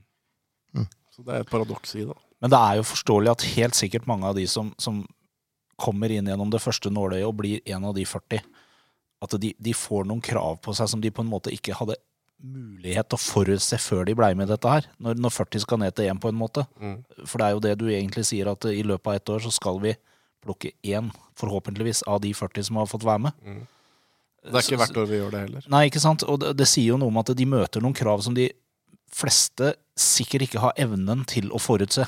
Mm. Hvor kraftige eller hvor heftige de krava er, da. Nei, man må liksom, det er learning by doing. Da. Man må oppleve det for å Ja, rett og slett. erfare det. jeg si. Og Så, da kan, handler, så handler det også om på en måte Det er en del av det, men så, du har en helhet her med, med, med skole, med venner, med familie. Tid. Ja. Og en prioritering her. Eh, De gutta som er i akademiet vårt, de har tøffe dager. De Ja. har lange dager. Ja. Eh, De har lengre arbeidsdager enn eh, vanlige folk, for å si det sånn. Ja. Og du skal stå i det i kanskje seks Ja, fem, seks, sju år, da. Eh, Og så allikevel så er det én av 40 som på en måte sitter med den proffkontrakten i handa. Så er det klart det er steintøft. Og det, vi prøver å forberede både spillere og foreldre så godt vi kan på at uh, når man trer inn her, så, så, så er det dette som gjelder. Eh, og det vil være overveldende i starten.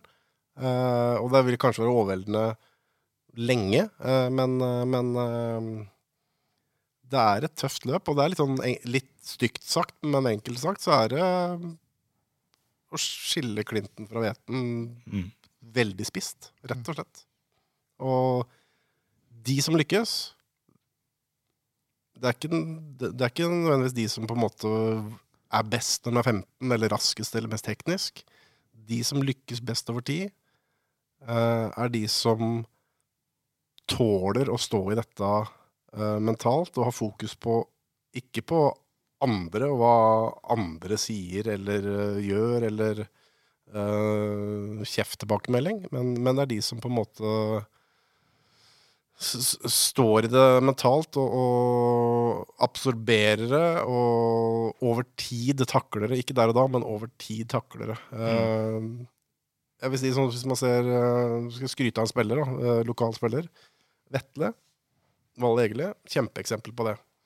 Også når man kommer opp i en A-hverdag eh, som eh, ung spiller, eh, er et godt stykke unna eh, A-lagsspill. Å stå i det løpet også, det det, det, det er krevende. Um, men de som blir best, er de som, og lykkes best, er de, de som klarer å stå i det løpet eh, og har fokus på egen utvikling eh, og har en tålmodighet i den horisonten der. mm. Men eh, det er ikke for alle å bli toppspiller, dessverre. Nei, det er helt klart.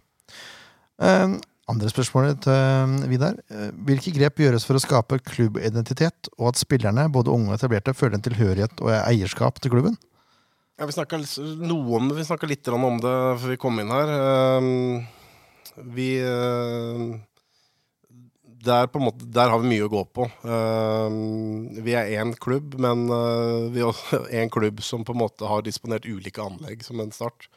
Eh, eh, så ett grep som har gjort, er på en måte å prøve å samle alle laga her eh, på release eh, før trening. Det rommet vi sitter nå i, er jo brusha opp litt for å kunne ha litt aktivitet. Men det å samle Så lenge vi har en matte som man i realiteten kun kan spille mm, A-matcher på, så er det utfordring å samle klubb si, skikkelig, skikkelig tett og godt. Eh, så vi har gjort noen grep der eh, i år, med på en måte å tilrettelegge for at eh, alle spillerne som spiller i et av lagene våre, at de i større grad kan ha en tilhørighet til anlegget, og derav igjen også til, til klubb. Og så er det mye så gjør vi Vi gjør en god del, men det, det er mye vi kan bli bedre på. Og så har vi noen klare begrensninger. eh, det kommer sikkert spørsmål om matte og underlag og gress og kunstgress og sånn. Men det er jo den store fordelen med kunstgress. Ja. At du kunne hatt all aktivitet her ute. Ja. Og hatt dette som en base sju dager i uka gjennom eh, så å si hele døgnet. Eh, nå, nå som vi har et A-lag som trener Uh, litt her i byen og litt i Larvik, og for alt jeg vet kanskje litt i Tønsberg, og spiller kampene sine ut på, ut på arenaen her. Du har akademilaga som eh, stort sett holder seg på gamle stadion. Så, så da blir det liksom Selv om ikke avstanden er stor, så blir det Så er den eh, for, fortsatt for stor, da. Så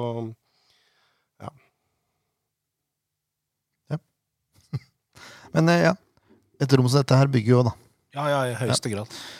Og så, nå, eh, nå blir det lang lese, lesepause her. Lang lesepause.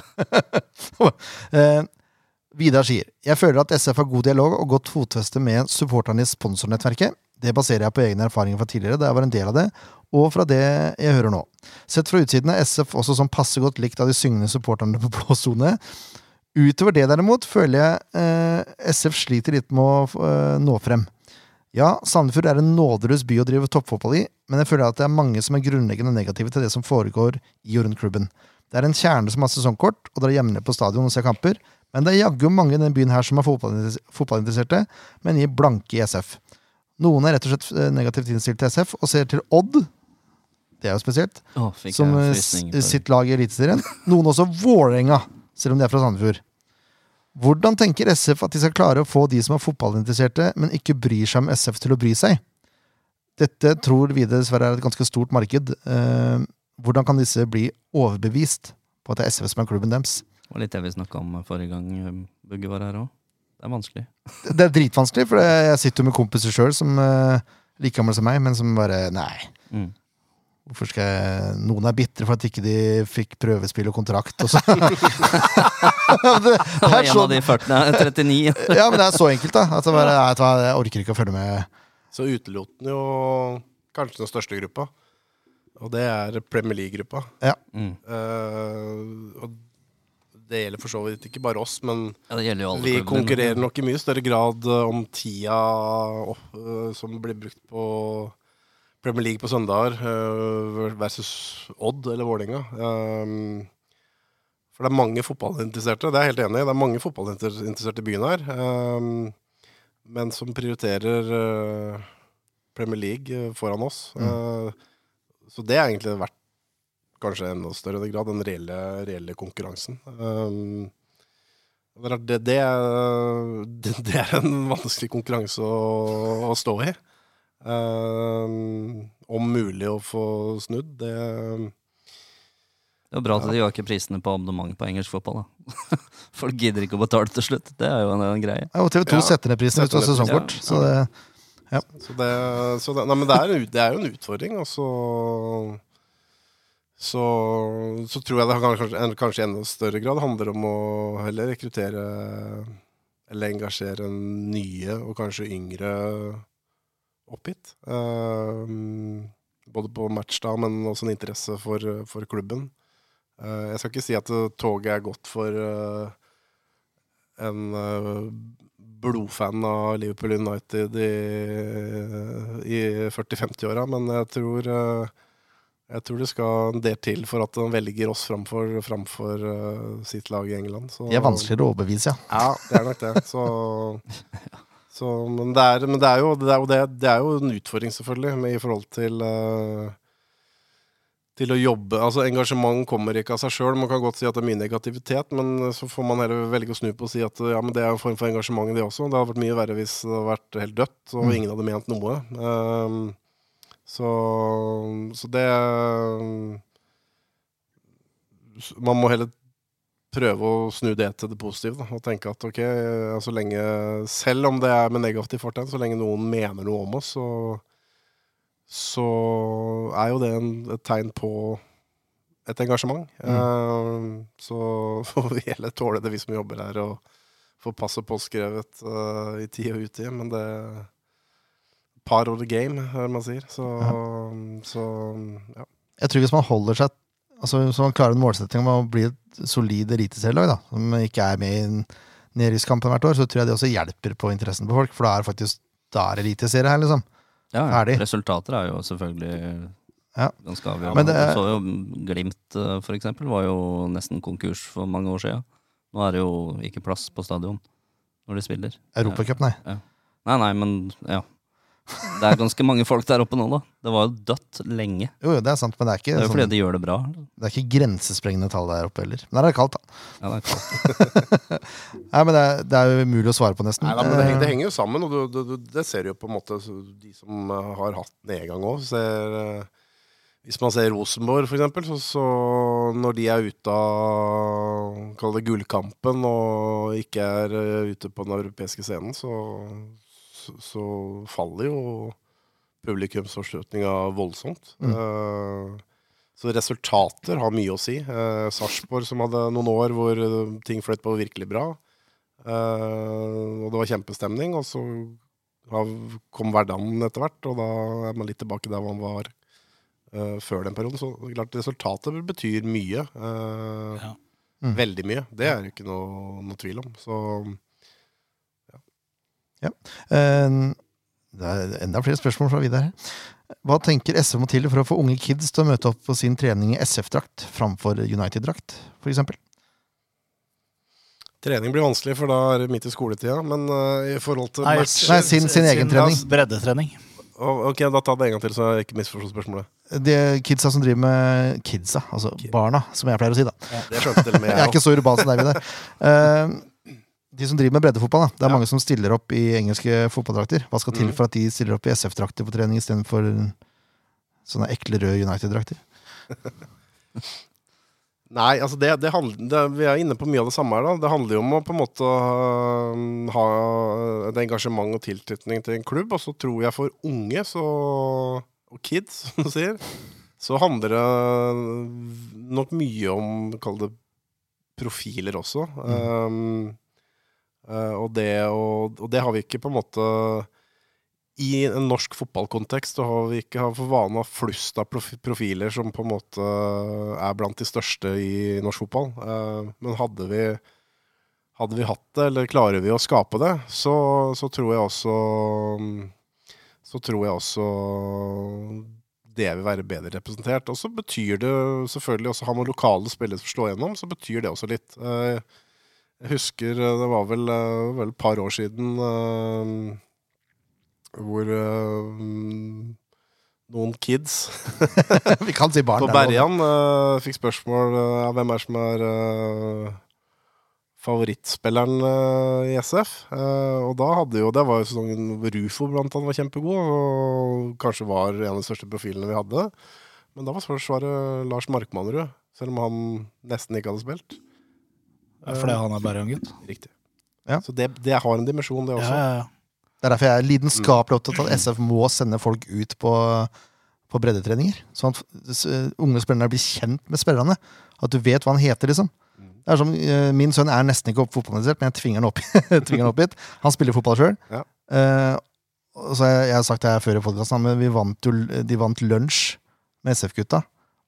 Og Moa kom og satte seg ved siden av han. Han har aldri sagt så lite i hele sitt liv før, for han satt der bare med stjerner i øynene, liksom. Og det, det er jo helt sinnssykt, egentlig. Og når Mo har dratt nå, så er det Franklin som er favorittspilleren hans. Ja. Han, Franklin spilte ikke så mye i fjor, han heller, men det er liksom, han er en fyr som utstråler en energi, ikke sant? Ja, det, det er et eller annet som Ja. Det, det må dyrke det der, og så bare få, få folk ut, liksom. La de bli kjent med de. Det tror jeg er det viktigste, da, hvis jeg skal få lov til å svare på det. For barn eh, knytter personlige relasjoner mye tettere enn stjernestatus, på en måte. Stjerner er det de ser på TV. Men får et personlig forhold altså Min favorittspiller gjennom tiden er Jarle Rosta. Fordi han var stjernespilleren på Runar når jeg var og begynte å se kamper. ikke sant? Og det, det henger bare med. Det er bare sånn det er. Ja. Og så siste spørsmålet fra Vidar er Er dere i fotballbransjen eller underholdningsbransjen? Hva tenker du om det? Svaret på det er vel enkelt, for det er fotball er underholdning. Uh. Det er hybriden. det er hybriden. Nydelig. er helt flott. Da skal vi opp på Facebook-spørsmål. Ja, Vi begynner å nærme oss noe som ligner på slutten her nå.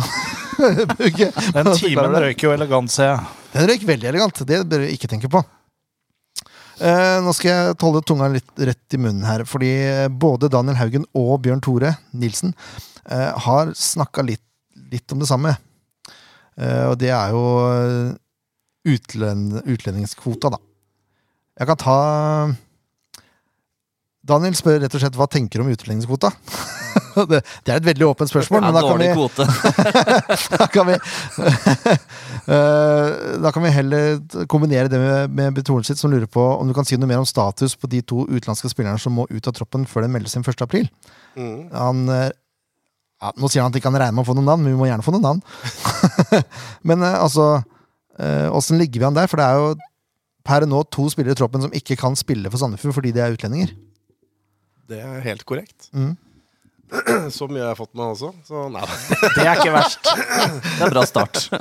nei men det, det er klart eh, det, vi, det, vi er jo kjent med problemstillingen, selvfølgelig, og på en måte har uh, egentlig styrt inn mot det også. uh, av ulike grunner. Uh, kan si litt mer om det etterpå, men, uh, men vi har jo vært tydelige overfor Quint i forhold til uh, egentlig før jul, uh, i forhold til uh, veien videre her. Eh, så den, den er på en måte Den beslutningen der er tatt.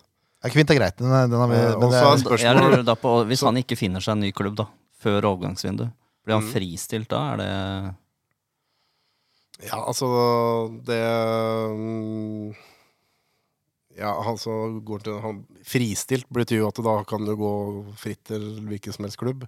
mm. Um, sånn teknisk sett så er det jo Du har noe Svarer på en helt annen Svarer på spørsmålet ditt. Ja, ja. egentlig, Sorry, Inge, men, men, men teknisk sett så er det sånn at uh, vi har disse vinduene som, som stenger uh, på noen angitte datoer.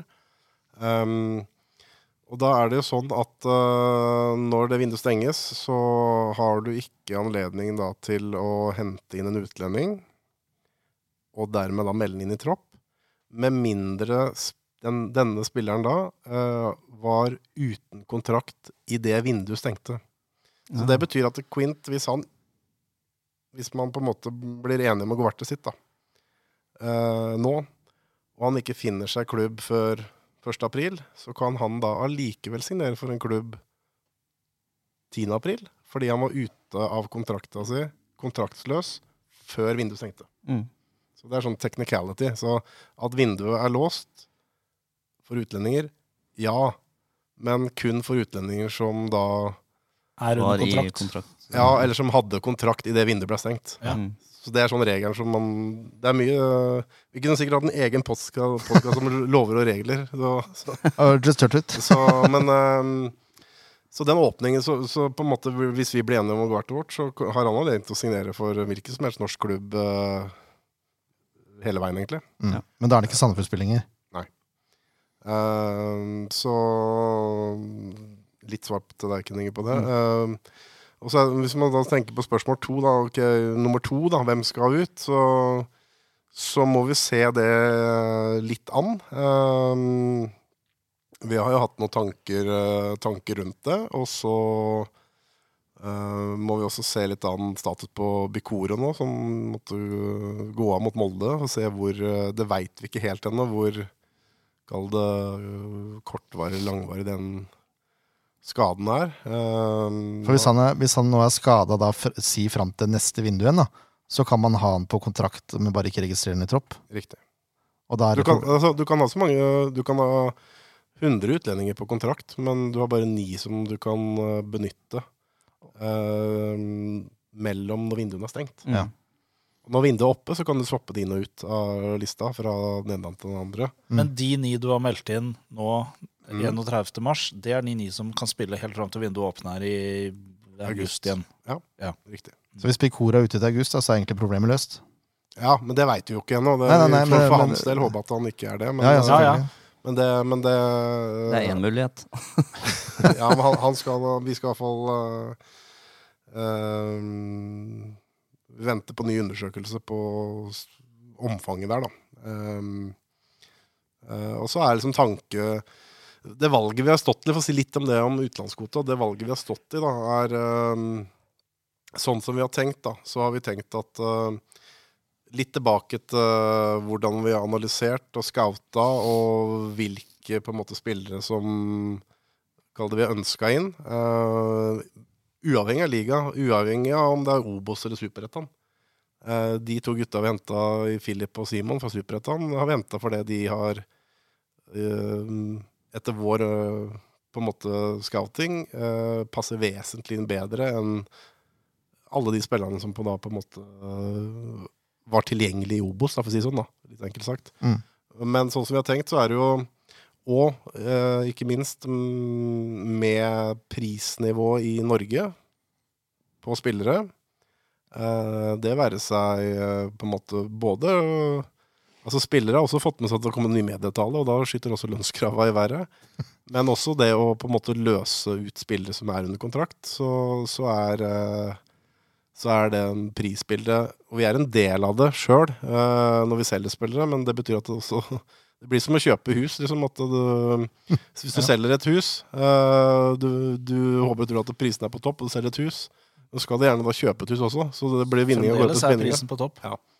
Så, så sånn sett, ut fra en økonomi, så er det, er det bedre for oss da å heller da i en kall det worst case scenario ha én spiller uh, spille for mye som vi ikke kan registrere, enn å svi av noen millioner på, på en norsk spiller som uh, egentlig rates dårligere i vårt system. da.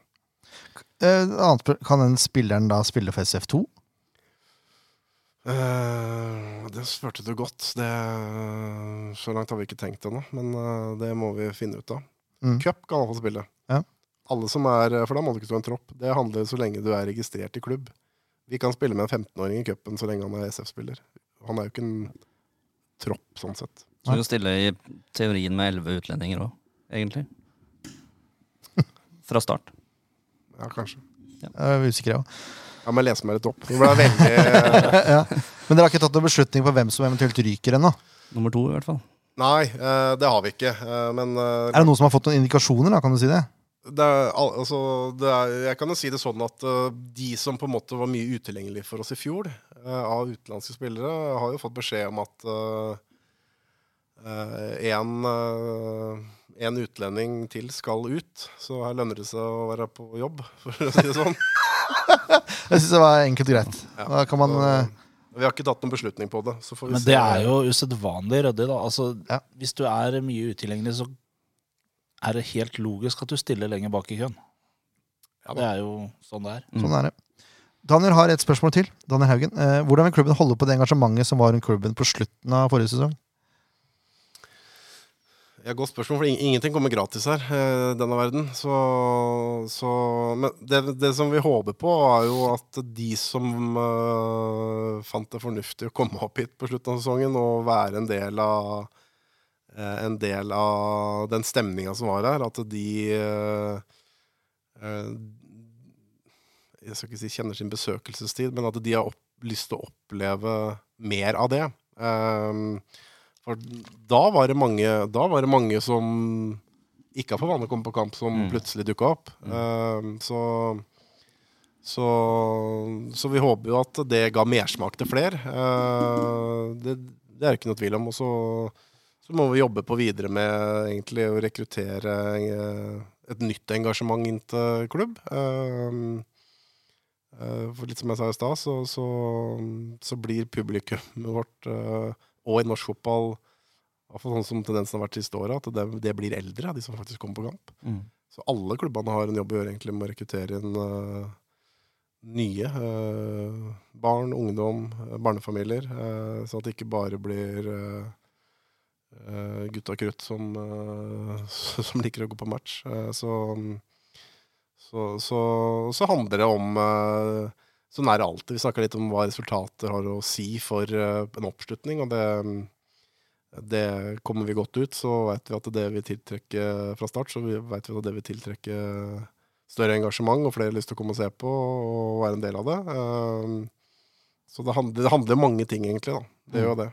Jeg føler ofte at det er litt vanskelig å formidle eh, hva jeg kjenner og hva jeg føler og hva jeg får igjen for å være til stede her på stadion når vi spiller kamp.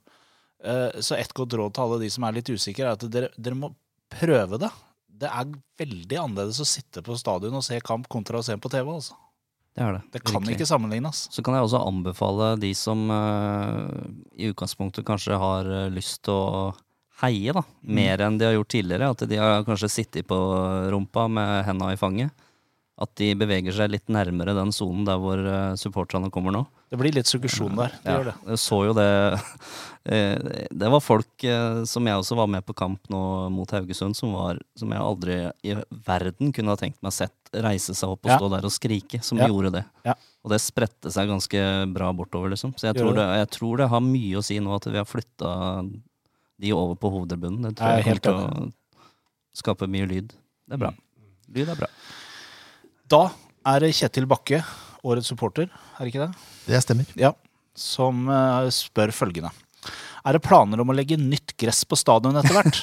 Er ikke det det samme som ved åpningen i 20, 2007? 2007. 2007. Ja, det var det jeg skulle Jo, det stemmer det. Det er, eh, det er eh, samme matta som har ligget her, eh, hva blir det nå? Det er vel på 16 år, da. Um, og det er ikke noen sånn umiddelbare planer. Det, det, her, det er jo et økonomisk spørsmål der også. Og så, også, så er det et valg om eventuelt litt underlag, da. Man skal vurdere noe annet. Um, så det er ikke i planverket. Det er litt med at du man eh, må også ha penger up front for å kunne Bør ha, for å investere, investere. Og det er ganske store kostnader uh, knytta til det. Skal vi Hvis vi skulle uh, skifta ut til en gressmatte, så hadde jo hybride gress vært det mest naturlige. Som, eh, eh, som er mer, litt mer slitesterkt. Men det er jo kostnader ved det òg, så man, man Vi snakker vel fra 2,5-3 oppover for å få det på plass. Skulle man ha kunstgress, så, så måtte man gjort mer i forhold til et grunnarbeid. Eh, Da måtte man f.eks. senka banen så topplaget kommer nærmere varmekablene. Um, Eh, uten at jeg på en måte finregna på det, så, så ville jeg sagt at man var sju til ti millioner for, eh, for eh, det dekket. Og så er det jo da ting i gjæringa i forhold til kunstgras og innfyll og Ja. forbud og hva som er lov og ikke lov. Og uh, må jo si at de foreløpig, i hvert fall de produktene som uh, er kommet for å erstatte granulaten, uh, har et stykke igjen, etter min mening, til å erstatte den sånn kvalitetsmessig 100 uh, Tror ikke du er aleine om å mene det. Nei, så, så um, uh, Og så er det jo trender her, ikke sant. Og det, man venter jo på noe klart svar fra EU, blant annet, i forhold til granulaten og plast generelt. Så mm, jeg hadde jo ikke blitt overraska om uh, om ti år at uh, man blir tvunget, at, tvunget til å legge om til naturgass igjen. Mm. Ehm, så så det, er, det er mange problemstillinger med det, men, øh, men også så er det jo, som jeg sa i stad, kla- klare fordeler med kunstgress i forhold til å kunne samle alt på et sted. Mm. øh, og gjøre hverdagen øh, for hele klubben øh, både mer profesjonell og convenient. Så, så det er fordeler og ulemper med, med, med, med begge deler, men øh, akkurat der vi er i dag, så Kall det mangler øh, fundinga for å gjøre noe. Uh, og da på en måte Så lenge man ikke har det, så, så trenger man heller ikke å vurdere hvilken type underlag man skal ha. Uh, Heldigvis. Stopper seg sjøl. det stopper seg litt sjøl, da. Men, uh, men så er det klart at vi ser jo med, Spesielt med de siste sesongene, altså hvor man har, eh, med unntak av i fjor, da, men under pandemien, hvor man spilte til juleklokkene Ja. ble slått inn, liksom, så, så så man jo at det fikk konsekvenser, eh, spesielt i en tidlig fase på Mm. sesongen året før. Eh, veldig glad eh, for at vi ikke skal spille her ute eh, på søndag. Eh, Da tror jeg ikke Da tror jeg det har vært en dårlig bane griselenge her. Um, så, men sånn er det jo. Det er jo naturprodukt, og det lever jo. Så da, da slites det jo mer og mer fra hvert år som går. Så på et eller annet tidspunkt så, så kommer jo den dagen hvor vi må jo gjøre et, uh, gjøre et grep. Uh, og så får vi prøve å Legge hybrid. prøve å ha den så god som mulig så lenge vi, lenge vi kan. Da Da- føler jeg vel at uh, Espen har svart litt på den neste delen her også, egentlig. Bugge. Eh, unnskyld, Bugge. For der står det 'si litt om hva klubben tenker rundt gress- slash kunstgressdebatten i toppfotballen i Norge'. Og Lasse følger opp med om det blir Ja. hybrid. Så jeg, du har vel svart på det, har du ikke det? Jo, jeg har vel toucha borti, borti det meste, så Ja. ja. Men da kan vi jo la Kim Landro slippe til med sitt spørsmål, da. Hvordan står det til med økonomien? Det står ålreit uh, til med den. Vi, vi har jo økte inntekter eh, fra fjoråret til i år. Eh, Medieavtalen er kjent for eh, alle, som er på en måte en vesentlig økning. Eh, vi er i rute med markedsbudsjettet i forhold til sponsormidler. Eh, der har vi hatt en fin utvikling eh, år for år, egentlig, og den fortsetter i år, ser, det ut til. Eh, og så har vi solgt noen spillere mm, eh, Eller solgt én spiller, men eh, vi, vi får ha også litt andre avtaler som vi har casha litt inn på, så så, så økonomien ser ok ut. Og så har vi jo dratt på oss litt ekstra kostnader med noen kjøp her og der. Um, så men vi er ikke noe sånn at vi kan uh, slenge beina på bordet og fram med sigaren, og konjakken, liksom. Så, så, så det er jo Vi må, vi må drive, drive edruelig. Og så veit vi at vi har hatt uh, eiere som uh, har bidratt økonomisk til at vi har den posisjonen vi har. Og man ønsker jo at de skal slippe å måtte skyte inn eh, ekstra midler enn hva de har tenkt. eh, Så, så det, det blir på en måte en nøktern, eh, nøktern og fornuftig tilnærming. Eh, Det må vi ha, egentlig. Eh, Selv om vi har noen inntekter som på en måte er større enn hva vi har budsjettert med eller regna med. da. Høres fornuftig ut. Mhm. Jeg går videre, Leif Tore. Er det greit? Anders Hansen, fra, det er fra Bare Blå? Det er fra bare blå. Uh, Unnskyld, Bare Blå. Blå ball. Blå ball. Herre min hatt. uh, kan du unnskylde Paul også, da, for han stilte spørsmål forrige uke som ikke kom med. For han var litt sent ute Men Anders har vært på pletten nå. Kunne det vært aktuelt å hyre inn en mental trener etter hvert som økonomien kanskje en dag tillater det? Ja, det, det er jo et område som eh, som eh, flere klubber de siste åra har kalt investert i. Så, det, så, vil jeg si at, si at svaret på det er jo Det er mange ting man kunne ønske at man, man eh, hadde. Eh, du kan ta Bodø Litt dårlig eksempel, men jeg tar det likevel. Bodø eh, som kommer fra et eh, fylke som er stort, de har jo ansatt eh, tre fulle årsverk for å reise rundt og representere og fremme klubb. Dra på skolebesøk eller breddeklubbesøk. eh, eh, Så det, så det, er mange, det er mange ting vi kunne tenke oss eh, å investert i, men når det kommer til liksom mentaltrener Og det er jo, det er jo i fokus om dagen. Vi snakka litt om André blant annet innledningsvis. Og, og så er det forskjell på mentaltrener og Hvis man går dypere inn i materien i forhold til psykologi, da, Så, men eh, det er klart det er et område som eh, man kunne tenkt, tenkt at eh, det hadde vært fornuftig å investere litt i. Så ja, klart ja. Ja da, Med mye annet, selvfølgelig òg. Selvfølgelig. ja, da. Eh, Lodden lurer fælt på om det kommer en ny spiller før overgangsvinduet stenger i Norge. Det er det som jeg svarte i stad, at vi har ikke noen planer om det. Vi er fornøyd med de, den gjengen vi har. Mathias Myrseth er litt mer desperat uh, i sitt spørsmål. Hvem, hvem skal skåre måla? Hvem er spiss hvis Ruud Tvedte blir skada? Ja, Det sa jeg vel også litt i stad, hvem som på en måte kan bekle den rollen. Og så bank i bordet, så vil jeg si at uh, kantene våre skårer jo mye mål. Uh, gjorde det i fjor og gjorde det året før. Så kanskje vi skal si at uh, en frisk Alex dunker, en, dunker inn mye år, da. Ja, det er ikke dårlig ikke gjort noe tips. Nei, det gjør ikke noe, det. Jesper Mathisen sendte meg en melding på Twitter i går og lurte på åssen verden dette kom til å gå. Igjen? Ok. Han har tatt feil før, han. Nytt. Han, ikke tatt, han, han spurte nå. Han spurte åssen jeg tenkte på det. Ja, ja, nei, Hva svarte bare- du? Dette kommer til å gå bra? Ja, jeg, jeg, jeg skrev eh, at, eh, litt som Espen sier, at kanskje vi er litt avhengig Unnskyld, Bugge. vi er litt, litt avhengig av at kantene lykkes, kanskje. Ja, men har vi ikke alltid vært? Jeg skjønner ikke helt det spørsmålet. Nei, Han lurte på åssen vinteren har vært. Ja, men hvis du liksom har fulgt med litt grann på sånn Sandefjord-fotball da har du ikke er- fulgt med. Nei, mest sannsynlig ikke.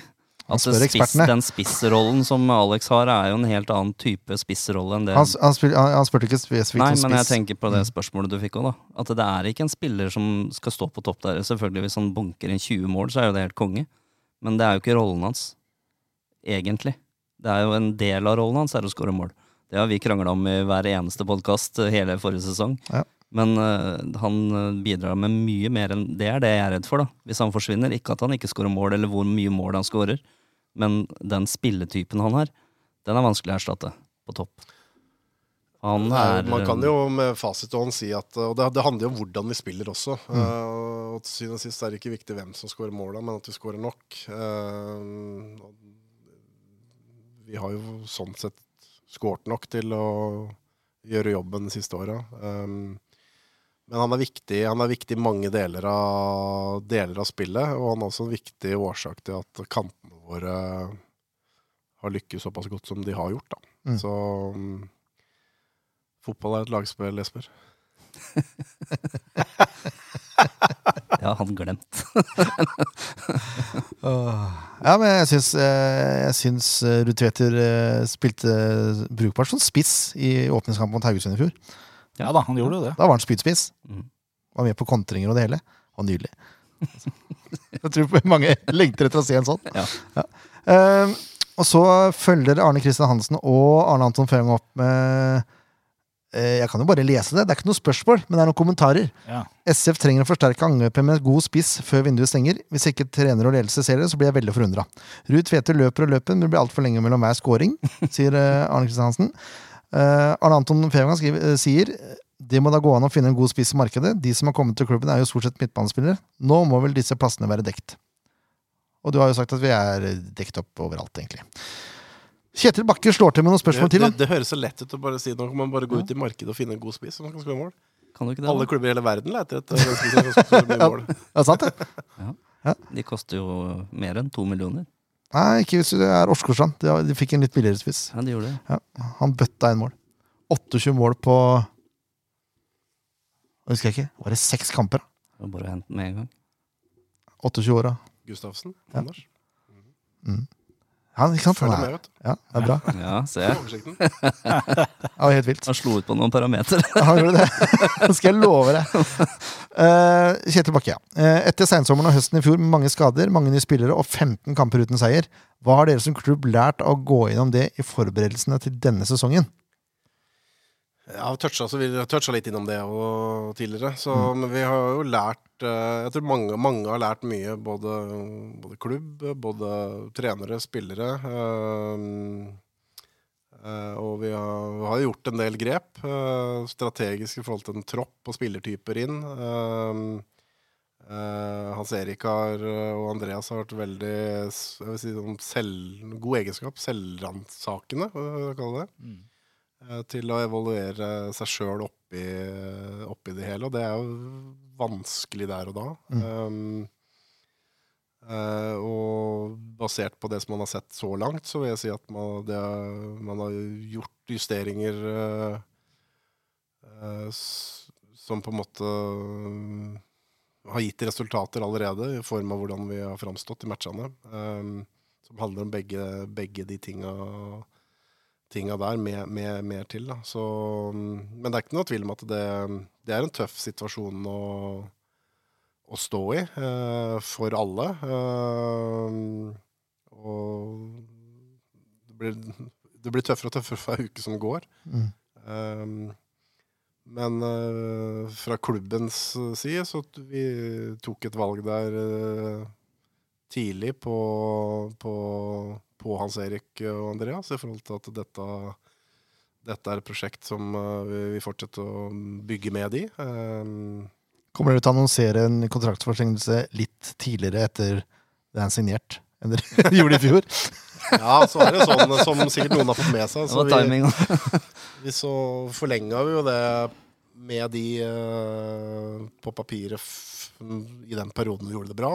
Um, og det var ingenting da som skulle tilsi at vi skulle gå den høsten i møte. Og så er det litt som vi er inne på i stad, at eh, med fasit til hånd, og vi spiller eliteserie, og vi har tilleggsholdt spillere fra både akademi og mm, fra et A-lag eh, som vi ikke har gjort før, eh, på en prisnivå vi ikke har gjort før, så, så må man egentlig summa summarum si at ok, det, det ble ikke så halvgærent selv om til slutt, selv om det var på hengende håret.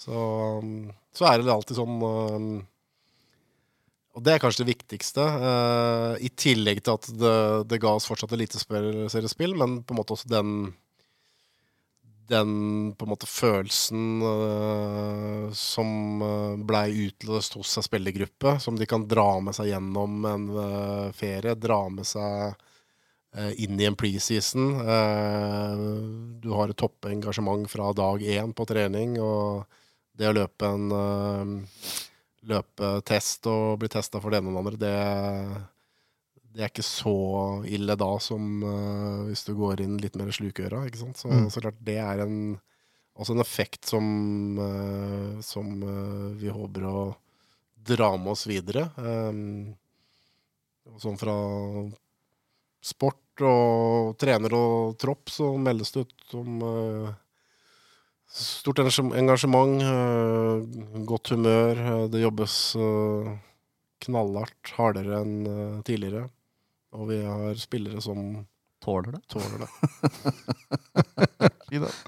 Eh, siste spørsmål fra Kjetil er om du kan fortelle litt om den økonomiske betydninga ved å redde plassen med tanke på den nye medieavtalen.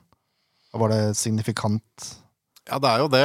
Eh, det hvis man tar liksom plassering for plassering, så, så er det jo en sju, sju og en halv million i forskjell. Um, fra hvis man tenker ok, hva vil en eh, altså, Ta siden vi har det som målsetting, hva vil en tiendeplass gitt i fjor kontra i år? Så er det det som er eh, det som er eh, forskjellen der, i tillegg til at vi da uh, har uh, klatra i systemet i forhold til akademiklassifiseringa. Så har uh, gått opp en stjerne, og da ligger det litt mer midler til, eh, til eh, akademiet der, sånn sett. Så, så det betyr jo en del. Og så veit vi også at eh, eh, Vi kan jo bare rekke henda hver og si at vi har jo ikke drevet med overskudd siste åra, så det er jo et gap å tette der også. Så så, men forskjellen er stor, og det var jo liksom Hvis man ser fjoråret, så var jo det en Og det tror jeg mange klubber tenkte, som var litt i samme situasjon som oss, at nå Nå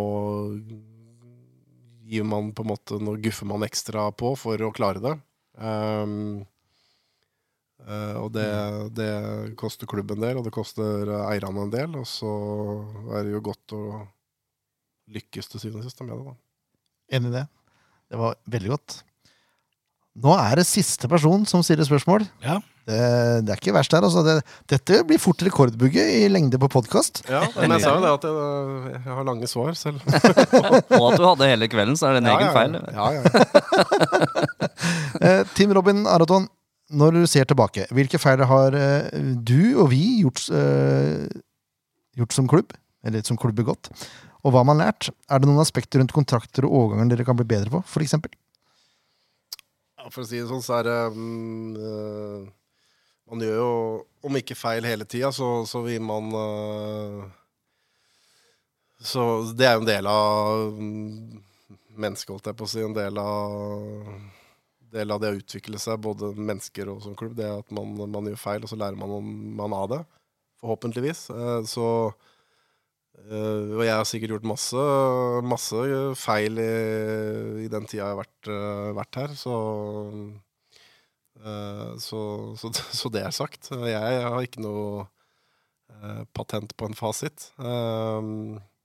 Men på en måte prøver å styre fornuftig og styre etter det som Den retninga klubben har staka ut. eh, som jeg også har vært en del av å utvikle. Så er det klart at eh, det er jo det er jo en del av meg i det bildet, i forhold til hva jeg tenker har vært en, en fornuftig strategi eh, for klubb videre. Um, og man har bygd opp en del uh, verktøy og prosesser som ikke har vært der, uh, vært der før. Bare et eksempel på det. Som verktøy som beligger klubb, det er jo eksempel eh, Det hender jo en gang i ny og ne at eh, man skifter en trener, eh, og da bør man jo ha en viss peiling på hva man skal ha inn, og det bør man egentlig ha nedfesta i et dokument som ligger i klubben.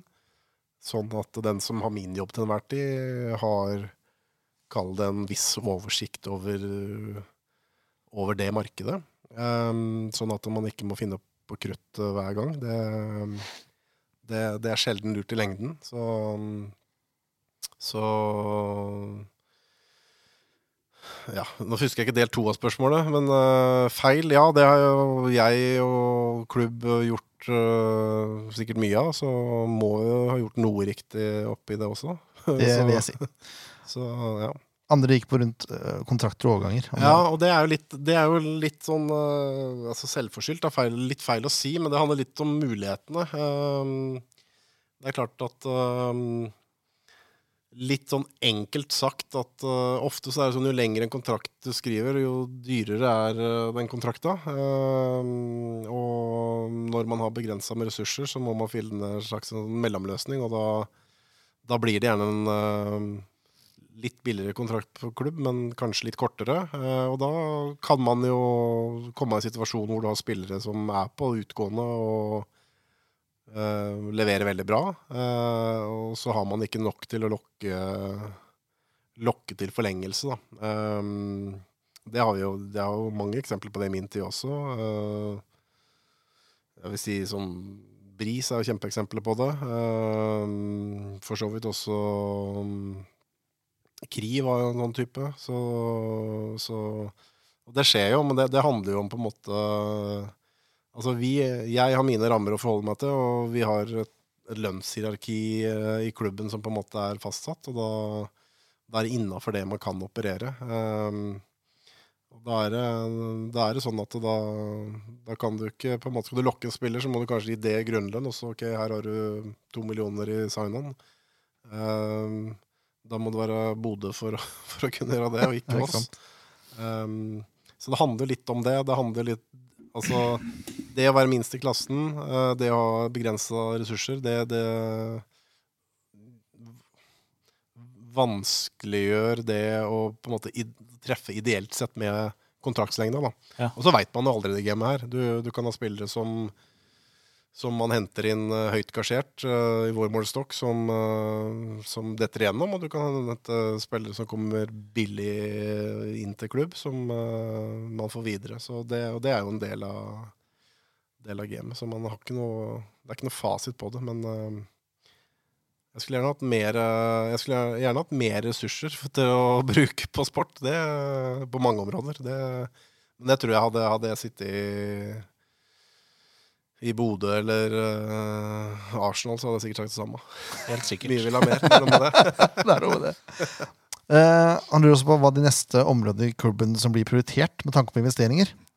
Vi har snakket litt om gressmatte og sånn, men han nevnte nevnt trenerteam, speider, annet personell, stadion, gressmatte. Altså, Ja, det, er jo, det er jo liksom Det er noen kjerneområder i klubb som på en måte Som man, man har en strategi for å, å bygge videre. Eh, sport er et veldig stort begrep der. Eh, Det handler jo om eh, nok ressurser til eh, til altså vi økte ressurser til lønnsmidler, til bonusordninger. Det handler til kompetanse som man kanskje ikke har.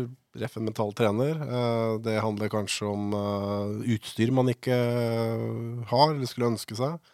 Eh, Så drifta rundt et A-lag er jo et utviklingsområde kontinuerlig. Alle er jo det. Eh, Mm. Akademiet er det ikke minst, i forhold til å i forhold til å utvikle det til å bli enda sterkere, sånn at man kan produsere flere spillere og gjerne selge de, selge de dyre også.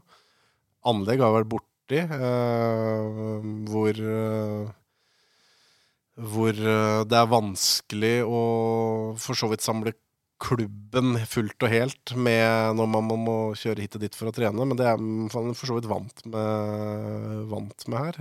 Egentlig helt siden vi flytta opp fra, fra storstadion. Eh, marked er det samme, eh, men det som er bra, er jo at på alle disse områdene, kanskje med unntak av anlegg, så har pila pekt eh, oppover og rett vei. Um, og det, det er bra. Eh, og det må vi, skal vi på en måte ha en sjanse i den konkurransen vi står. Så må vi klare å bygge stein, stein for stein, eh, Ken Inge. så Stein for stein, ja. så handler og så handler det, og det er det jeg har tro på, at man man eh, klubb Altså klubb staker ut en kurs for alle områdene eh, over tid, eh, og så må man gå samla i takt eh, langs den veien. Um, jeg har, med mindre det detter et lass av cash eh, over huet på meg, så har jeg null tro på å uh, hva skal finne på kruttet på nytt fra, fra det sesong til sesong. Uh, for det gir lite kontinuitet. Du kan lykkes der og da en enkelt sesong, men over tid så, så vil du slite. Uh, så er det sånn kjedelig svar, som gjerne supportere ikke vil høre.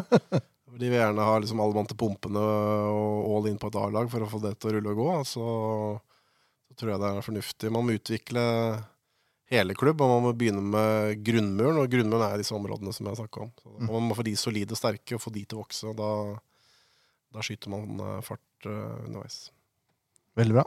Her kommer det siste lyttespørsmålet, Bugge. Det var et til, ja. Det var et til. Ja. Det er fra Tom Tim Robin eh, nå. Begynner jeg å bli trøtt her. Begynner å merke det nå, altså. eh, hvordan jobbes det med å skape entusiasme blant supporterne inn mot seriestart? Det er et godt spørsmål. Eh, nå får vi jo, som jeg sa, nå får vi en liten sånn kvasistart med cupkamp eh, på søndag. Det virker som det er bra engasjement rundt det. Vi, jeg tror jo det viktigste vi kan gjøre, er jo på en måte å Når den endringa, beslutninga er tatt om å endre Kall det strukturen med å få, med å få support hardcore-supporterne over på hovedtribunen. At vi tilrettelegger uh, for at det skal bli best mulig, tror jeg har mye å si. Um, og så er det jo litt som floskel, men det er klart uh, Vi har et ansvar, men det har supportere også, i forhold til å i forhold til å bygge en supporterkultur og bygge et engasjement. Um, og det er klart um, Eh, Det handler om å dra, dra hverandre med og gjøre ting sammen. Det er jo det fotball handler om eh, for meg. Det er som vi snakka om er, Fotball er best live, og det handler jo om at man er en del av et fellesskap som på en måte opplever Opplever eh, noe sammen og har følelsen hytta til det sammen, istedenfor at man sitter hvert til sitt eh, bak en TV-skjerm. Så, så ja, vi, vi har øh, vi, bygger, vi bygger på det vi kan. Vi, vi mm, har en del ting øh, som kommer øh, opp mot seriestart. Og så vil jeg si at alle som er glad i Sandefjord fotball, øh, så er det, er et fellesansvar også for å være, bli med og være en del av og bidra til et økt, engasjement. Eh, mye ligger på klubb, men alle har egentlig etter mitt syn et lite ansvar. Enig. Eh, og så er det cupkamp nå mot Odds på søndag. Det er første mulighet. Og så er det kickoff på Corner Funbar 31. mars. Det er jo et fint samlingspunkt både for, eh, for fans og, og klubb. Yes. Det er bra. Ja. Nå er det én liten post igjen, så det, bare, bare heng med oss. Kampen som kommer! Ja, det er cupkamp på søndag. Eh, vi, kan ta, vi kan ta generalprøven kjapt, Bygge, for det, det ble tap mot start. Spillemessig ok, men eh, litt lite skapt, kanskje. Ja, jeg syns jo vi var det dominerende laget en liten time der, egentlig. Uh, og ut ifra dominansen så burde vi egentlig drept kampen der, men vi, vi, vi produserer litt for lite, og vi er ikke effektive nok når vi får muligheten. Ehm, og så er det ikke noe Man må regne med at motstanderen også kommer til noen muligheter, så ja, det var eh, det var mye bra, og så er det en del ting som på en måte man må rette på. Eh, Så kommer den kampen kjapt på, på søndag, selvfølgelig. Eh, Så vi får se hvor langt vi er i rute. Odd har sett ålreit ut. Ser bra ut i vinter, syns jeg. Mm. Så dem nå med Godset og vant fortjent. Eh, Har slått Molde. Har slått Molde tidlig, eh, så Tapte mot Ørn. ja. Jeg vet ikke hvor mye vi skal vektlegge det, men, eh, men, eh, men eh, de jobber godt, og de, de ser eh, ålreit ut. Så det blir en tøff, eh, tøff kamp. Åssen er skadesituasjonen i troppen? Bjørn Tore lurte veldig på det. Ja, har vært litt innom det, men Federico er ute. Uh, kommer for tidlig for Sander Moen Foss. Uh, uh, Josef er ikke i rute, er ute med en liten skade. Kommer for tidlig for han, som han dro på seg nede i Marbella. Eh, så, det, så må man jobbe litt med grunnlaget til Risan og Nilsson. Uh, Og Dagic òg.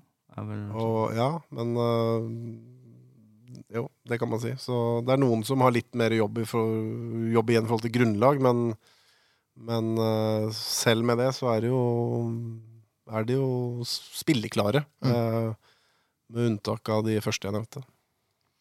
Høres bra ut. Eh, Odd har ikke gjort så veldig mye i vinter, egentlig. Altså overgangsvinduet, da. De har henta midtstopper. Eh, en finne ved navn Diogo Thomas. Det veldig, veldig Typisk finsk navn. Ja, veldig. Mm, det er en del av de i Finland. Så eh, hvis han har portugisiske spillestilen, noe som navnet hans tilsier, så er det spennende. Og så har de hentet to spisser. Leon Hien fra Sverige. Og Ole Erik Midtskogen, som har bøtta inn mål eh, litt lavere nivå. Så det er spennende å se hva, hva Odd kommer med her. Mm. Jeg, jeg er ikke så interessert i Odd, egentlig, så vi trenger ikke å prate så mye om de. Skal bare nevne det at eh, de har en ganske liten stall, faktisk. Så det er spennende å se hva de kommer med. Eh, Bare nevne at vi har hjemmekamp til søndagen på Konsto Arena i Mjøndalen. det er litt rart. Litt rart. Det er det, men uh, Du nevnte noe om det i stad, og det er jo et fornuftig valg som er tatt her i forhold til vår egen matte. Ja da, det er ikke noe tvil om. Og så med fasit i hånd, vi ser jo litt hva som uh, Hvordan man har endra ting i Bergen eh, i løpet av siste døgnet, så Mm. Er det bedre på mange måter å ta den beslutninga tidlig og spare en måned fyringskost. eh, og beholde en bedre matte fra start lengre. Så det, det var, egentlig så var det en no-brainer eh, for oss i forhold til å ta den beslutninga. Så er det godt at cupen skal gå som Man må ikke glemme at det er to cuper i år. da Det er jo NM for NM 2022 skal jo spilles ferdig i år, med cupfinale i mai. Og dagen etterpå omtrent så begynner jo cupen for 2023. Tenk om Sandefjord eh, får to cupfinaler på samme år. Ja, det, hadde vært, det er jo ja, historisk eh, rekord. eh, Kommer aldri til å skje uansett, uansett hvilken klubb som kanskje klarer det. Det er jo helt konge. Ja.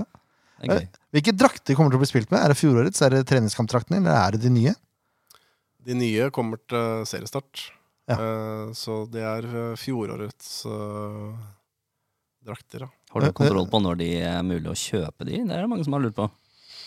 Ja, nei, jeg har ikke, kan ikke gi dere en sånn eksakt dato, men de, de skal Vi er lova at de skal De er ikke ankommet ennå, men de må gjøre det i løpet av, løpet av måneden. Så Så blir det jo første gang man skal spille med det, blir jo mot uh, Tromsø Mm. her ute. Uh, så jeg tror, det, jeg tror det blir mange som eh, er interessert i å få seg en drakt, for å si, det, si det mildt. Det er helt riktig. Det er inntrykket også. Det er altså Odd på søndag. Buss går. Eh, Det er fortsatt eh, noen få plasser igjen, så vidt jeg vet. Mm. Eh, Blåhvalene setter opp den, og da inkluderer det kampbrett som dere har ordna, er ikke det? Da spør feil. Det er, uh, dette er avståelse til Ann-Kristin Heimstad, så ta alle spørsmålene. Ja, men uansett, da, hvis dere søker opp Blåhvalene, så finner dere ut av det. Så er det 100 kroner inngangsbilletten. Det er jo ikke dyreste Nei, hvis man velger å kjøre sjøl, så er det sånn der. Men jeg tror, jeg innbiller meg at hvis man er på den bussen, så får man kampbillett i prisen ja, for bussen. Ja. Sånn er det. Det Eh, så jeg anbefaler alle til å gjøre det, selvfølgelig. Støtt guttene. Eh, har man mulighet, så kjør på. Det er cupkamp, så vi gidder ikke å ta ut noe lag eller noe sånt nå. Nei. Cup er cup, ballen er rund. Oi, ja. Greit, Arne. Jeg vil bare nevne til alle som hører på, neste torsdag, 16. mars, da kommer Fredrik Bergli på besøk. Har dere spørsmål til Fredrik, så send det inn til oss. Yes, Det kommer en Facebook-post eh, bare til å slenge seg på. Yes. Twitter-post og Instagram-post og alt som er. Sosiale medier, vet du, Bugge, er viktige greier. Eh, Her har jeg vært eh, altså, helt enestående. To timer og ti minutter Oi, med Det var en ny rekord. ja, Det det, var ny rekord. det tror jeg nærmer seg, i hvert fall. Jeg gir meg jo det. Jeg husker ikke om vi har bikka to. Nei, jeg er litt usikker. Men takk for at du tok deg all tid i verden. Det er helt hyggelig. nydelig. Bare hyggelig. Så håper jeg alle har fått svar på det de lurte på. Du har fått svart på alle spørsmålene som kom inn. så det er jo en start. Yes. Eh, da ses vi kanskje på søndag, da. Det kan hende. Hei, SF!